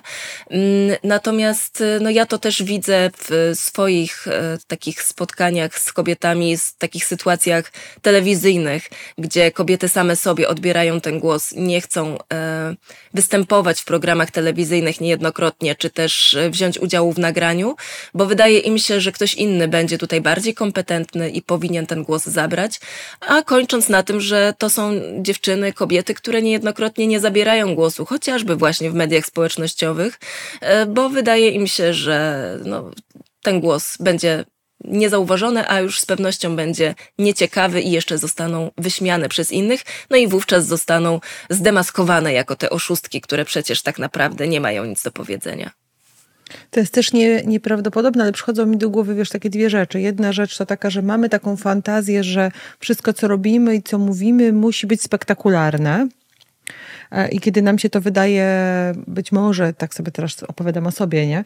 Że być może wtedy, kiedy jest po prostu takie normalne, zwykłe i przeciętne, albo już powtarzane przez innych ludzi wielokrotnie, albo usłyszałam to w różnych miejscach, to wtedy to nie spełnia tego kryterium spektakularności, bo wiesz, jak już kobieta ma za, zabrać głos, to już koniecznie musi zrobić to mądrze i spektakularnie. Nie może sobie pozwolić na takie wiesz, zastanawianie się na scenie, to jest coś, co, co obserwuję często u mężczyzn i bardzo im tego zazdroszczę, czyli oni sobie tak potrafią poblablać na tej scenie, tak się zastanawiać, tak trochę się ze sobą e, nawet posprzeczać, a nawet na tej scenie zmienić zdanie. Kiedy myślę o scenie, to nie myślę tylko o takiej fizycznej e, scenie, e, ale myślę też o różnych sytuacjach życiowych, w których mężczyźni się wypowiadają, a kobiety bardzo często trzymają się już od utartych, utartych przygotowanych jakichś e, wiesz, zdań, poglądów, haseł i rzadko kiedy pozwalają sobie na scenie na takie bawienie się z sobą samą nadmyśleniem. No tak, właśnie to jest ten wyuczony perfekcjonizm, który tak. wynika z naszego wychowania, bo nasze pokolenie pokolenia starsze, ale niestety jeszcze cały czas jest to zauważalne w pokoleniach młodszych dziewczynek. To, to, to pokolenie wzorowych uczennic, które chodziły w białych rajstopkach, w wyprasowanych sukieneczkach i broń Boże się nie ubróć, a tym bardziej nie krzycz za głośno, bo jeszcze komuś będziesz przeszkadzać, a jeżeli y, podchodzisz do jakiegoś egzaminu, to oczywiście musisz zdobyć 100%, bo przecież jesteś wzorową uczennicą, czerwony pasek i e, ta tarcza z napisem wzorowy uczeń bo jeszcze wówczas oczywiście nie było feminatywów. I to jest coś, co przygotowało nas do e, właśnie pełnienia tej e, roli.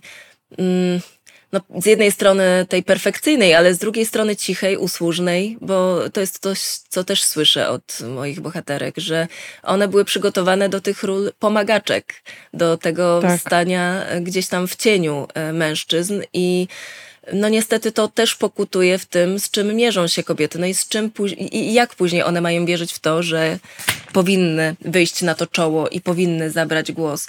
To Sylwia Gregorczyk-Abram, e, adwokatka, działaczka w ramach Stowarzyszenia Wolne Sądy, właśnie przywoływała mi wiele takich sytuacji, gdzie ona już jako pełnoprawna prawniczka wchodząca do sądu wielokrotnie mhm. była y, traktowana jako asystentka swojego kolegi, z którym do tego sądu weszła. I później bardzo trudno było jej wyjść na sali sądowej z takim pełnym przekonaniem, że y, ja teraz powinnam tutaj zawojować ten świat i y, powiedzieć to. Mm, no, w taki sposób, żeby wszystkich przekonać do tego, iż ja zasługuję na to miejsce, w którym jestem. Um, więc że jest to, jest, adekwatne, nie? No właśnie, i to, to powiedziałaś, że um, właśnie mężczyźni zachowują się zupełnie inaczej. No wystarczy każdą taką sytuację odwrócić. I to jest coś, co ja też poruszam w swojej książce i to jest coś, o, o, czym rozmawiam właśnie z moimi bohaterkami. Ja często sobie zadaję takie pytanie, co na moim miejscu zrobiłby mężczyzna, bo e, wielokrotnie obserwowałam takie zachowania wśród swoich kolegów e, na mojej ścieżce zawodowej, co pokazywało, że no właśnie oni są e, pozbawieni tych takich wewnętrznych blokad niejednokrotnie, które mnie hamowały. I to pomogło mi sobie poradzić w wielu takich sytuacjach i pomaga to też kobietom, z którymi rozmawiam, kiedy sobie tak zaczynają odwracać te sytuacje. Bo wiesz, ja bym tutaj mm. przywołała badania, które wykonała Joanna Kocjan, która też jest jedną z moich rozmówczyń. To jest raport Siła Kobiet ULHR i ona pokazuje, że kobiety nie aplikują na ofertę danej pracy, jeżeli nie mają poczucia, że spełniają 100% wszystkich wymagań. To jest coś, co mnie absolutnie zmroziło, bo kiedy porównamy to do mężczyzn, u nich wystarczy 60%. Więc my już na samym starcie, jeszcze zanim w ogóle wystartujemy w tym wyścigu, same siebie hamujemy, mając poczucie, że nie zasługujemy na to nawet, żeby w nim wystartować. Przecież ten pracodawca mhm. nawet nie jest w stanie wówczas podjąć decyzji, czy chce zatrudnić tę kobietę, czy tego mężczyznę, bo jej oferty nawet nie ma na stole, bo ona sama się, siebie wycofała. I to jest bardzo znamienne. A myślę, że to jest, bo jeszcze przychodzi mi taka druga rzecz do głowy, że jest taki rodzaj jakby dysonansu, którego my doświadczamy pomiędzy naszym ja idealnym, a tym ja, którym jesteśmy, czyli tym, jacy jesteśmy i tym, jacy chcielibyśmy być. I e, zdrowe poczucie własnej wartości pojawia się wtedy, kiedy ten dystans jest na tyle duży, żeby nas motywował, ale na tyle niewielki, żebyśmy mieli poczucie, że nadal jesteśmy wartościowi że aż tak bardzo nie odbiegamy od tego ideału. I teraz, kiedy o tym mówisz, to skoro my mamy takie standardy e, tego ja idealnego, to znaczy, że też pewnie zbiorowo, cierpiąc na syndrom oszustki, będziemy cierpieć na bardzo, bardzo zaniżone poczucie własnej wartości. Bo jeżeli ten, ta, ta, ta miedza między mną a tym, jaka chciałabym być, albo jaka powinnam być, albo jakie są oczekiwania wobec mnie, żebym była, jest zbyt długa, to ja nie jestem w stanie jej y, przepłynąć. Ale też nie potrafimy się cieszyć tym, co do tej pory osiągnęłyśmy, prawda?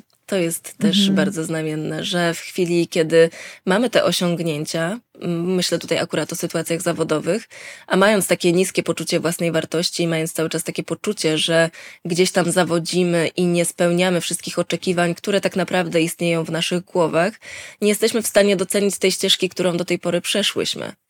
E, I to też jest bardzo znamienne. I tutaj przychodzą mi do głowy słowa Agnieszki Maciąg, e, z pewnością znanej większości naszym, naszych słuchaczek i słuchaczy, e, która kiedy była u szczytu swojej kariery, kiedy była powszechnie postrzegana jako osoba szanowana, osoba, która naprawdę odniosła ogromny sukces jako nasza polska top modelka, to wówczas ona cały czas miała z tyłu głowy takie poczucie, że ona jest, i tu zacytuję, bezwartościowa. Ona użyła takiego słowa wówczas, bo jej się cały czas wydawało, że ona nie zasługuje na to miejsce, w którym jest, nie zasługuje na to, żeby odnieść taki sukces, że cały czas kogoś oszukuje, bo przecież ona wcale nie jest aż taka piękna, aż taka uzdolniona. Um, i to się wiąże właśnie z tym niskim poczuciem własnej wartości, o którym mówisz, ale też wówczas strasznie mnie to uderzyło, że ona u tego szczytu kariery nie była w stanie się nim cieszyć bo cały czas miała poczucie, że to nie jest miejsce dla niej. I to strasznie smutne, ale też strasznie znamienne e, wobec tego, o czym mówiłyśmy wcześniej, bo jakoś trudno mi sobie wyobrazić, żeby któryś z mężczyzn aż tak to mógł odczuwać. Chociaż oczywiście mogę się tu mylić, bo wiem, że mężczyźni także mierzą się z syndromem oszusta, chociaż ja stawiam tezę, że, że wynika to u nich z zupełnie innych e, uwarunkowań.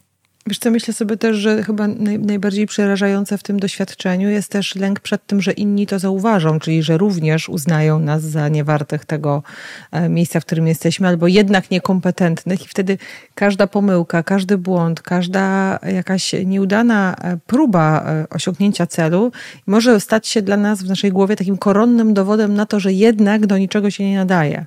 Tak, i wiesz co, no, tak będę sypać przykładami, bo moja książka opiera się na rozmowach z konkretnymi bohaterkami i tutaj wrócę do Sylwii Gregorczyk-Abram, bo to jest taki e, znamienny przykład tego, o czym mówisz.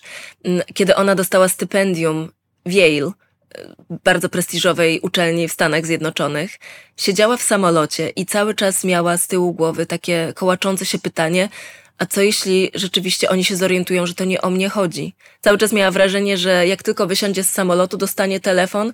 Ach, sorry Sylwia, nie, nie, to nie o ciebie chodziło. Chodziło nam o inną Sylwię. I cały czas miała takie poczucie, że e, w każdej chwili ktoś się wycofa, bo zorientują się, że ona tak naprawdę na to nie zapracowała. Choć każdy, kto przyjrzy się jej życiorysowi i jej karierze zawodowej, no nie będzie miał absolutnie żadnych wątpliwości, że to było miejsce dla niej. Um, I jeszcze takie sformułowanie mi zapadło w pamięć, e, kiedy powiedziała, że przez lata wydawało jej się, że zostanie ona zdemaskowana jako Nikodem Dyzma polskiej palestry. No, coś mhm. absolutnie przerażającego właśnie w kontekście um, tego poczucia, niskiego poczucia własnej wartości i tego poczucia, że zostaniemy zdemaskowani w każdej chwili. Czyli trochę czujemy się takim oszustem, który próbuje nabrać wszystkich dookoła, również siebie, że jest coś warte, że coś potrafi e, i że ma jakieś zasoby.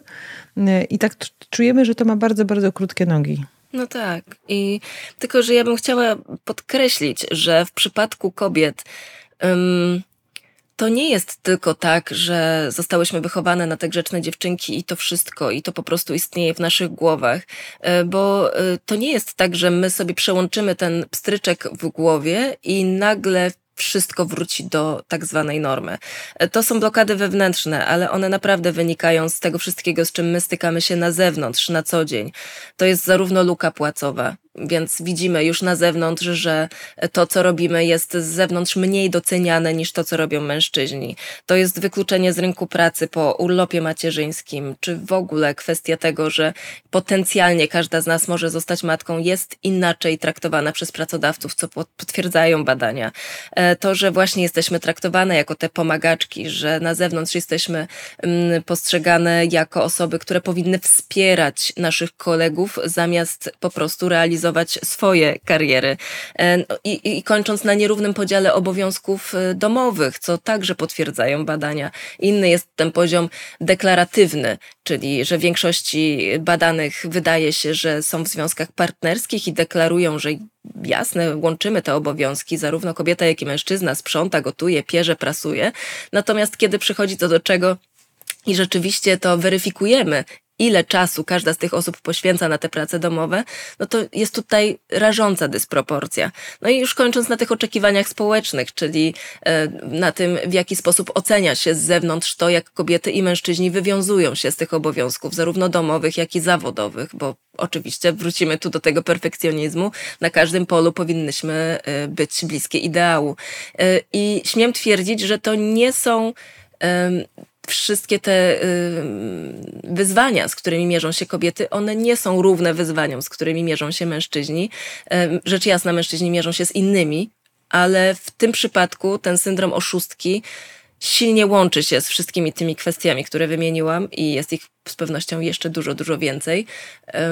Dlatego też Czyli sobie tego nie wymyśliłyśmy, Absolutnie. że po prostu to my tak mamy same ze sobą i w zasadzie e, to znowu w nas jest kłopot, bo nie dość, że e, jesteśmy perfekcjonistkami, to jeszcze sobie to same odbieramy i tworzymy sobie warunki opresji, tylko trochę jesteśmy zapraszane do zajmowania e, tej pozycji i tej roli na różne sposoby przez system, który nas otacza, środowisko, kulturę, ko, kulturę, kody kulturowe, ale też nawet sposób interpretowania, czy chociażby e, świata, czy chociażby szklane sufity, które czasami trudno jest przeskoczyć i przebić. No jasne. I zobacz, no bo to nie jest tak, że my teraz sobie poradzimy z tymi blokadami wewnętrznymi i nagle kobiety zaczną zajmować kierownicze stanowiska i będzie ich więcej w polityce. No to nie jest tak. E, niestety to wszystko się łączy, to jest takie zamknięte koło, e, ale no, mając już świadomość tego, że jedno wynika z drugiego i silnie wiąże się i to, to jest taki, taka sieć naczyń połączonych, te wszystkie systemowe ograniczenia i te nasze wewnętrzne blokady,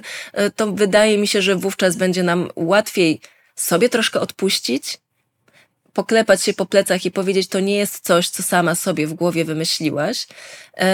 I no, ja też widzę to sama po sobie, że kiedy już zauważam u siebie pewne takie mechanizmy, kiedy zauważam w sobie e, takie blokady, które powodują, że robię krok w tył, zamiast próbować jednak pokonać tę przeszkodę, która przede mną stoi, bo wydaje mi się, że ja nie dam rady jej pokonać, to wówczas będzie nam łatwiej także poradzić sobie z tymi ograniczeniami systemowymi. I odwrotnie, kiedy poradzimy sobie z tymi ograniczeniami systemowymi, przynajmniej częścią z nich, to łatwiej będzie nam wówczas przeskoczyć te blokady wewnętrzne. Więc jeszcze dużo pracy przed nami, natomiast wydaje mi się, że już sama świadomość tego, co z czego wynika i że to nie jest po prostu wymysł w naszych głowach, e, pozwoli nam jakoś, e, no, może szybciej pokonać tę drogę pełną nierówności. Taką mam nadzieję.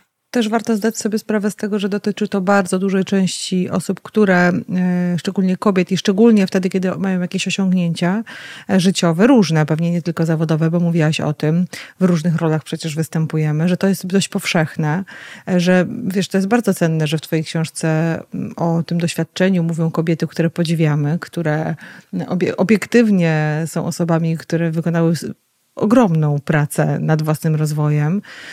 I, i chyba to pozwala trochę, wiesz, jakby nie ufać tej oszustce, która w nas siedzi i nam tam podpowiada, że każdy może nas zastąpić, albo jak coś osiągnęłyśmy, to to jest kwestia szczęścia, które miałyśmy, albo że e, w zasadzie jesteśmy tu przypadkiem i trafiło się jak ślepej kurze ziarno. Tak mam w głowie, że ta część oszustki, która w nas żyje, ten głos jest trochę jak krytyk wewnętrzny, który tam w nas żyje i nam podpowiada i operuje takim językiem różnych ważnych osób, które pewnie po drodze też spotkałyśmy i, i warto nauczyć się wątpić trochę w to, co ta oszustka nam w głowie podpowiada.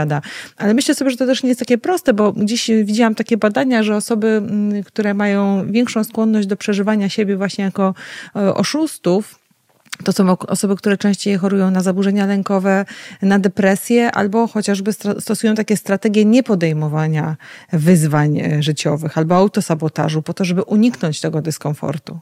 Dlatego wydaje mi się, że kluczowym jest to, żeby z jednej strony umieć w sobie to zlokalizować i stwierdzić, mm, bo wydaje mi się, że to jest pierwszy, najważniejszy krok, który możemy same dla siebie wykonać. To zadać sobie tych kilka pytań, czy nas to dotyczy, czy takie wątpliwości rzeczywiście w naszej głowie się pojawiają. No a jaka jest różnica, tutaj jeszcze Cię dopytam, między takim zdrowym e, krytycyzmem wobec siebie, albo takimi wątpliwościami, czy mogłabym to robić lepiej, czy być może potrzebuję się jeszcze czegoś douczyć e, na tym moim stanowisku, albo w tej mojej roli, a syndromem już oszusta?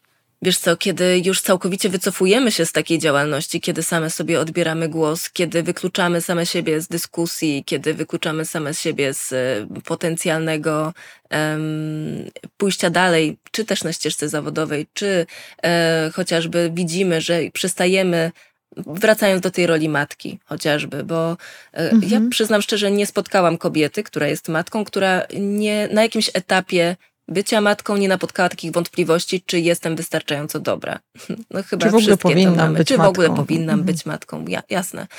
Um, I kiedy zauważamy w sobie, że przez te wątpliwości właśnie przestajemy nawet mieć te chwile radości, przestajemy cieszyć się z tego, że jesteśmy matką, przestajemy cieszyć się z sukcesu, który osiągnęłyśmy, no to rzeczywiście to jest taki mocny sygnał alarmowy, że coś jest nie tak. Um, natomiast y, oczywiście zdrowy krytycyzm, no to on jest ty, tą siłą napędową, żebyśmy mogły y, być coraz lepsze w tym, co robimy. Ale tutaj też wrócę do tego raportu Siła Kobiet ULHR, wiesz, bo tam też był poruszony aspekt tego, że kobiety często nie mają e, zwrotki na przykład od swojego pracodawcy e, odnośnie tego, czy wykonują swoją pracę dobrze, czy też nie, bo pracodawcy często obawiają się kobietom takiej zwrotki dawać, bo obawiają Dlaczego? się e, no, z jednej strony reakcji takiej kobiety, bo przecież kobiety są postrzegane jako silnie emocjonalne, e, czy też e, obawiają się tego, no, no, w jaki sposób później będzie to rzutowało na jej pracę, wolą tej zwrotki po prostu nie dawać albo dawać ją neutralną. A oczywiście to skutkuje tym, no bo co, co się dzieje, kiedy cały czas wydaje nam się, że to, co robimy jest ok. Robimy to cały czas tak samo nie jesteśmy w tym mhm. coraz lepsze, więc trudniej nam później awansować. Więc to też jest tak na, w nawiązaniu do tego zdrowego krytycyzmu. To jest niezwykle ważne, żeby go w sobie absolutnie nie zabijać, bo to jest jednak siła napędowa dla rozwoju. Um, natomiast um, no, no, no, kluczowym jest to, żeby nie pozwalać temu blokować siebie. Jeżeli ten krytycyzm sprawia, że ja porzucam e, rzeczy, na których mi zależy, albo które są dla mnie ważne, bo zaczynam wątpić, że nie jestem w stanie e, mm, ich udźwignąć albo jakoś sprostać tym zadaniom, które za nimi stoją, to wtedy to już nie jest krytycyzm, tylko być może ten syndrom, który e, nie ograbia, no bo on też nas okrada, nie? Ten, ten syndrom nas okrada z różnych możliwości, które daje nam życie. Ale jeżeli to jest tak, że ten krytycyzm sprawia, że ja po prostu czegoś się nowego nauczę, albo coś przećwiczę, albo być może pomyślę sobie, że jeszcze jakoś tu mogłabym poprawić jakość wypełniania ról różnych przeze mnie, na przykład rolą, roli matki, e, to to jest okej. Okay. No tak mi się wydaje, no, że tak, tak to powinno myślę. wyglądać. Tak próbuję, Oczywiście, wiesz. wiesz, to jest bardzo płynna granica i teraz możemy właśnie w taki sposób sobie to rozróżniać, natomiast zdaję sobie sprawę, że tak na co dzień jest to bardzo trudna granica do spostrzeżenia, ale warto właśnie usiąść sama ze sobą, troszeczkę się przytulić i e, być dla siebie trochę bardziej czułą, bo niestety jako kobiety mamy z tym mocny problem, bo jesteśmy wobec siebie bardzo surowe, ale to, e, co było znamienne tak, także w trakcie moich rozmów z moimi moimi bohaterkami, to fakt, że kiedy odwracało się tę sytuację w e, taki sposób, że traktowałaś siebie jako swoją najlepszą przyjaciółkę. Um, i zadałam takie pytanie, ale czy ty mogłabyś być tak surowa właśnie dla swojej siostry, czy dla swojej przyjaciółki? Czy powiedziałabyś jej to w taki sposób? To wówczas w nich się budziło, nie, no coś ty. Takich rzeczy się nie mówi. no to dlaczego mm -hmm. mówisz to samej sobie? Więc warto w taki sposób czasami na samą siebie spojrzeć. Ale też z drugiej strony, wiesz, bo skoro jesteśmy też przy tym, co może nam pomóc, e, to dla mnie właśnie kluczowym i dla moich bohaterek także kluczowym było to, że zdajesz sobie sprawę, że to nie jesteś tylko ty że to nie mhm. dotyczy tylko i wyłącznie ciebie. E, no, dla mnie było to naprawdę, no, ja sama przyznaję, że ta książka na mnie podziałała w pewien sposób terapeutycznie. Te rozmowy z tymi wspaniałymi kobietami, że mi jest łatwiej czasami e, zaakceptować w samej sobie te wątpliwości, ale wówczas, kiedy już je zauważam, łatwiej mi jest sobie z nimi poradzić, bo skoro one sobie z nimi na co dzień także muszą radzić i radzą sobie, to wydaje mi się, że ja też dam radę i mam nadzieję, że każda z moich czytelniczek też w taki sposób to odbierze. I z naszych y, dzisiejszych słuchaczek także. A jakie są takie naj, naj, może nie najszybciej, ale najbardziej skuteczne strategie radzenia sobie z syndromem oszusta, jeżeli on nas dopada. Wiesz, dopada mnie dzisiaj, e, zaczynam tak o sobie myśleć, co mogę zrobić? Jakieś sprawdzone tipy, wiesz, e, na to, żeby, żeby posadzić panienkę oszustkę w tyl, na tylnym siedzeniu na chwilę, żeby przestała mnie tutaj dojeżdżać. Wiesz co, no to takim najszybszym przykładem, który przychodzi mi do głowy, to jest na przykład mój przykład e, z mediami społecznościowymi. Ja przez bardzo długi czas e, nie zamieszczałam tam nic, co e, mogłoby e, narazić mnie na jakąkolwiek krytykę. Wiesz, obawiałam się wrzucić jakąkolwiek, jakiekolwiek przemyślenie na jakikolwiek temat, bo wydawało mi się to wtórne, nieciekawe i że absolutnie nikomu się to nie przyda. Co więcej, spowoduje to, że zostanę wyśmiana. Miałam takie absolutnie wbudowane poczucie, które blokowało mnie i samej sobie odbierałam głos, bo właśnie tak później też to e, zdefiniowałam razem z moimi bohaterkami, które miały, mierzyły się z podobnymi kwestiami. I po prostu w pewnym momencie na twardo zaczęłam to robić. No, zaczęłam wrzucać różne posty. Teraz przy okazji książki też staram się troszkę więcej siebie w tych mediach społecznościowych dawać. I no po prostu zauważyłam, że no jasne, spotykam się z krytyką i to, to, to jest oczywiste, no bo jakkolwiek wystawisz się na jakąś opinię publiczną, no to zawsze się z tym mierzysz. Natomiast też widzę, y, jaka fajna dyskusja się wywiązała także między mną a innymi kobietami. I to jest ta wartość, która mi to naprawdę mocno wynagradza. Więc no, w tym przypadku po prostu jeżeli w coś wątpisz i wydaje ci się, że nie warto, no dopóki nie zaczniesz tego robić, no to się nie przekonasz, czy naprawdę warto, czy to nie jest coś, co istnieje tylko w twojej głowie. Mm, I, i, i no to, to w moim przypadku tak mocno pomogło. Ale wiesz, no tutaj można tak samo to odnieść do y, kobiet, z którymi rozmawiam w pracy, które, do których dzwonisz i y, zapraszasz je do studia albo do rozmowy i słyszysz wówczas od nich, ale, ale może, może to nie ja. No ja to chyba na tym za bardzo się nie znam, może jednak do kolegi pani by zadzwoniła. No ale wówczas przekonujesz te kobiety, ale ja to panią chcę rozmawiać, to pani jest tutaj ekspertką. No przekonajmy się, czy rzeczywiście to może pójść nie tak. No i wówczas okazuje się, że kiedy taka kobieta przychodzi do studia, jest tysiąc razy bardziej merytoryczna i e, przychodzi kolejny i kolejny raz i w końcu, kiedy już to robi, to też te nerwy i wątpliwości w niej są coraz mniejsze, coraz słabsze. Więc no jedynym sposobem na to, żeby się tego wyzbyć, jest po prostu działać a nie analizować to tylko i wyłącznie w takich scenariuszach hipotetycznych w swojej głowie. Czyli trochę to, co mówi Brené Brown, bój, bój się i rób. Dokładnie. E, tak, i czy ważne, tak jak przy zaburzeniach lękowych, żeby te cechy syndromu oszusta, oszustki nas nie zatrzymywały, nie, być może nie zniechęcały albo unieruchamiały.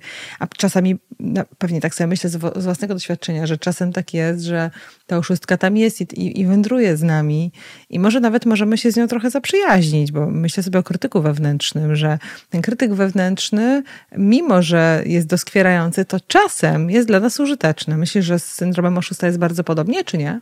Wiesz co, tak. Y, ja już mam takie poczucie, y, bo mhm. ja już w tej chwili doceniam nawet te wątpliwości, które istnieją w mojej głowie, y, ale właśnie dzięki temu, że no z jednej strony widzę je także u innych kobiet i staram się wówczas powiedzieć, że to jest poniekąd normalne, o, jakkolwiek będziemy tutaj w cudzysłowie trzymać to słowo normalne.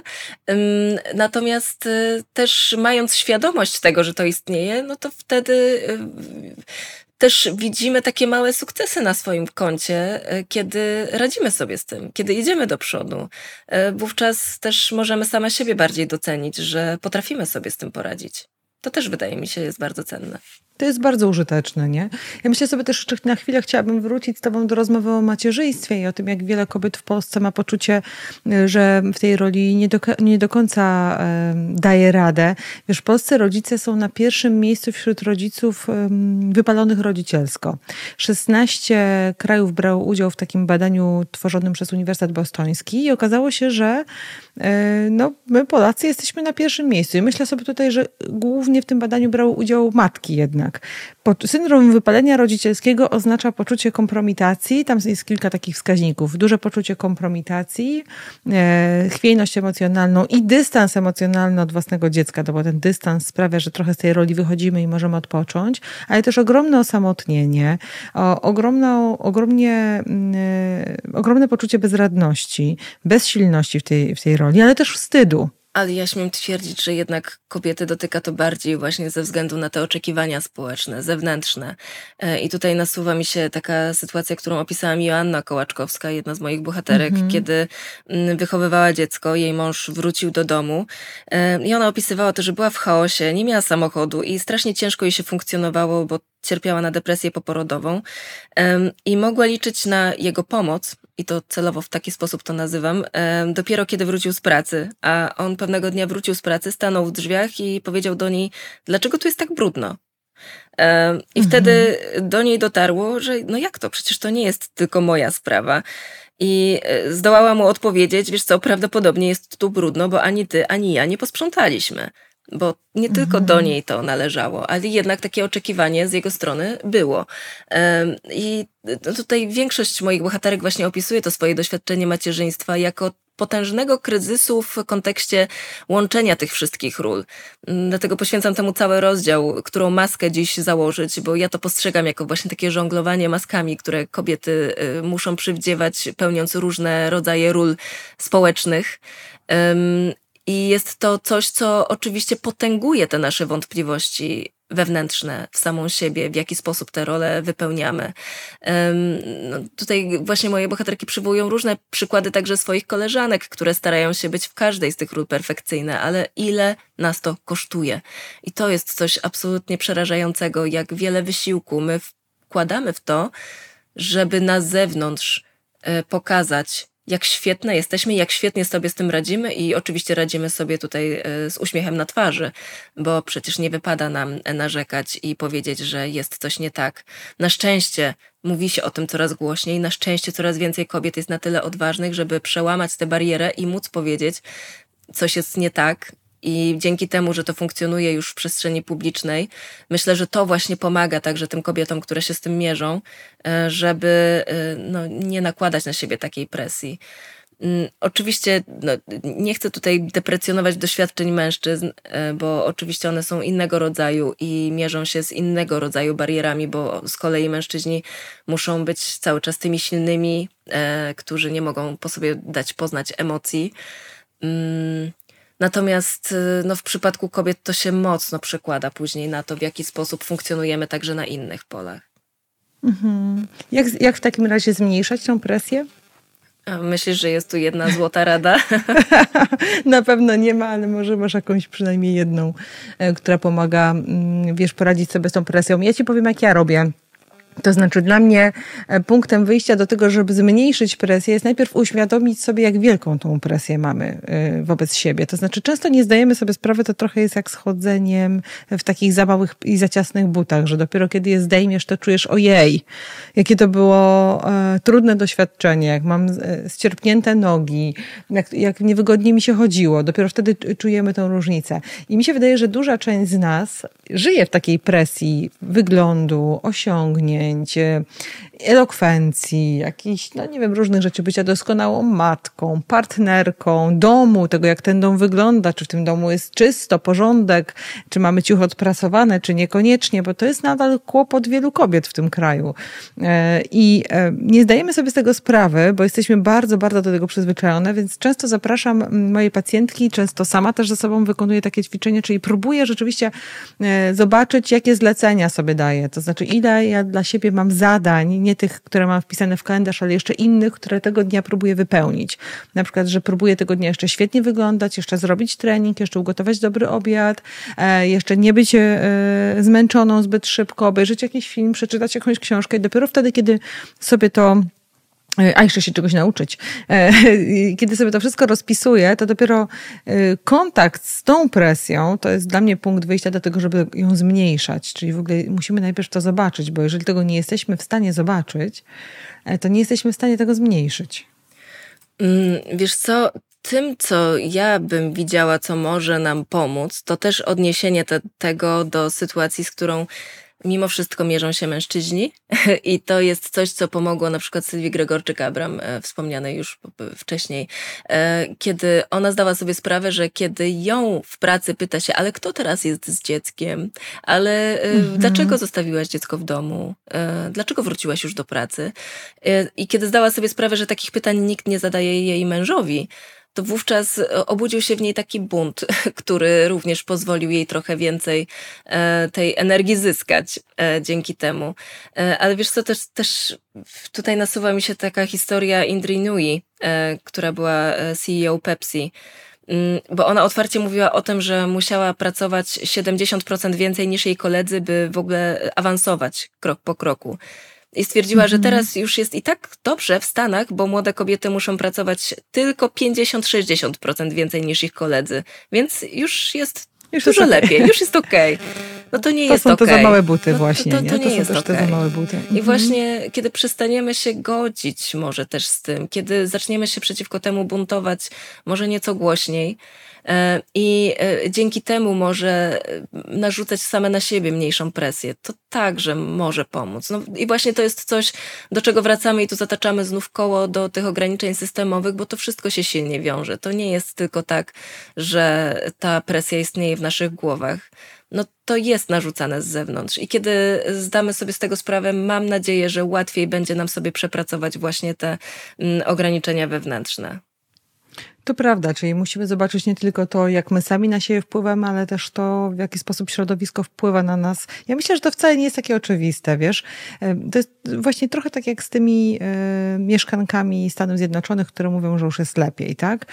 Że my tak bardzo jesteśmy zanurzone w tym e, patriarchalnym świecie, tak bardzo jesteśmy wyuczone przymykać na to oko, a być może nawet e, nie zauważać tego, bo mamy jakieś strategie na przetrwanie wyćwiczone w sobie, że dopiero regularne rozmawianie i jakby ściąganie tych warstw jak, jak z cebuli, oglądanie tej rzeczywistości, jaka ona jest, jest w stanie nas uwrażliwić na to, że te nierówności między płciami istnieją.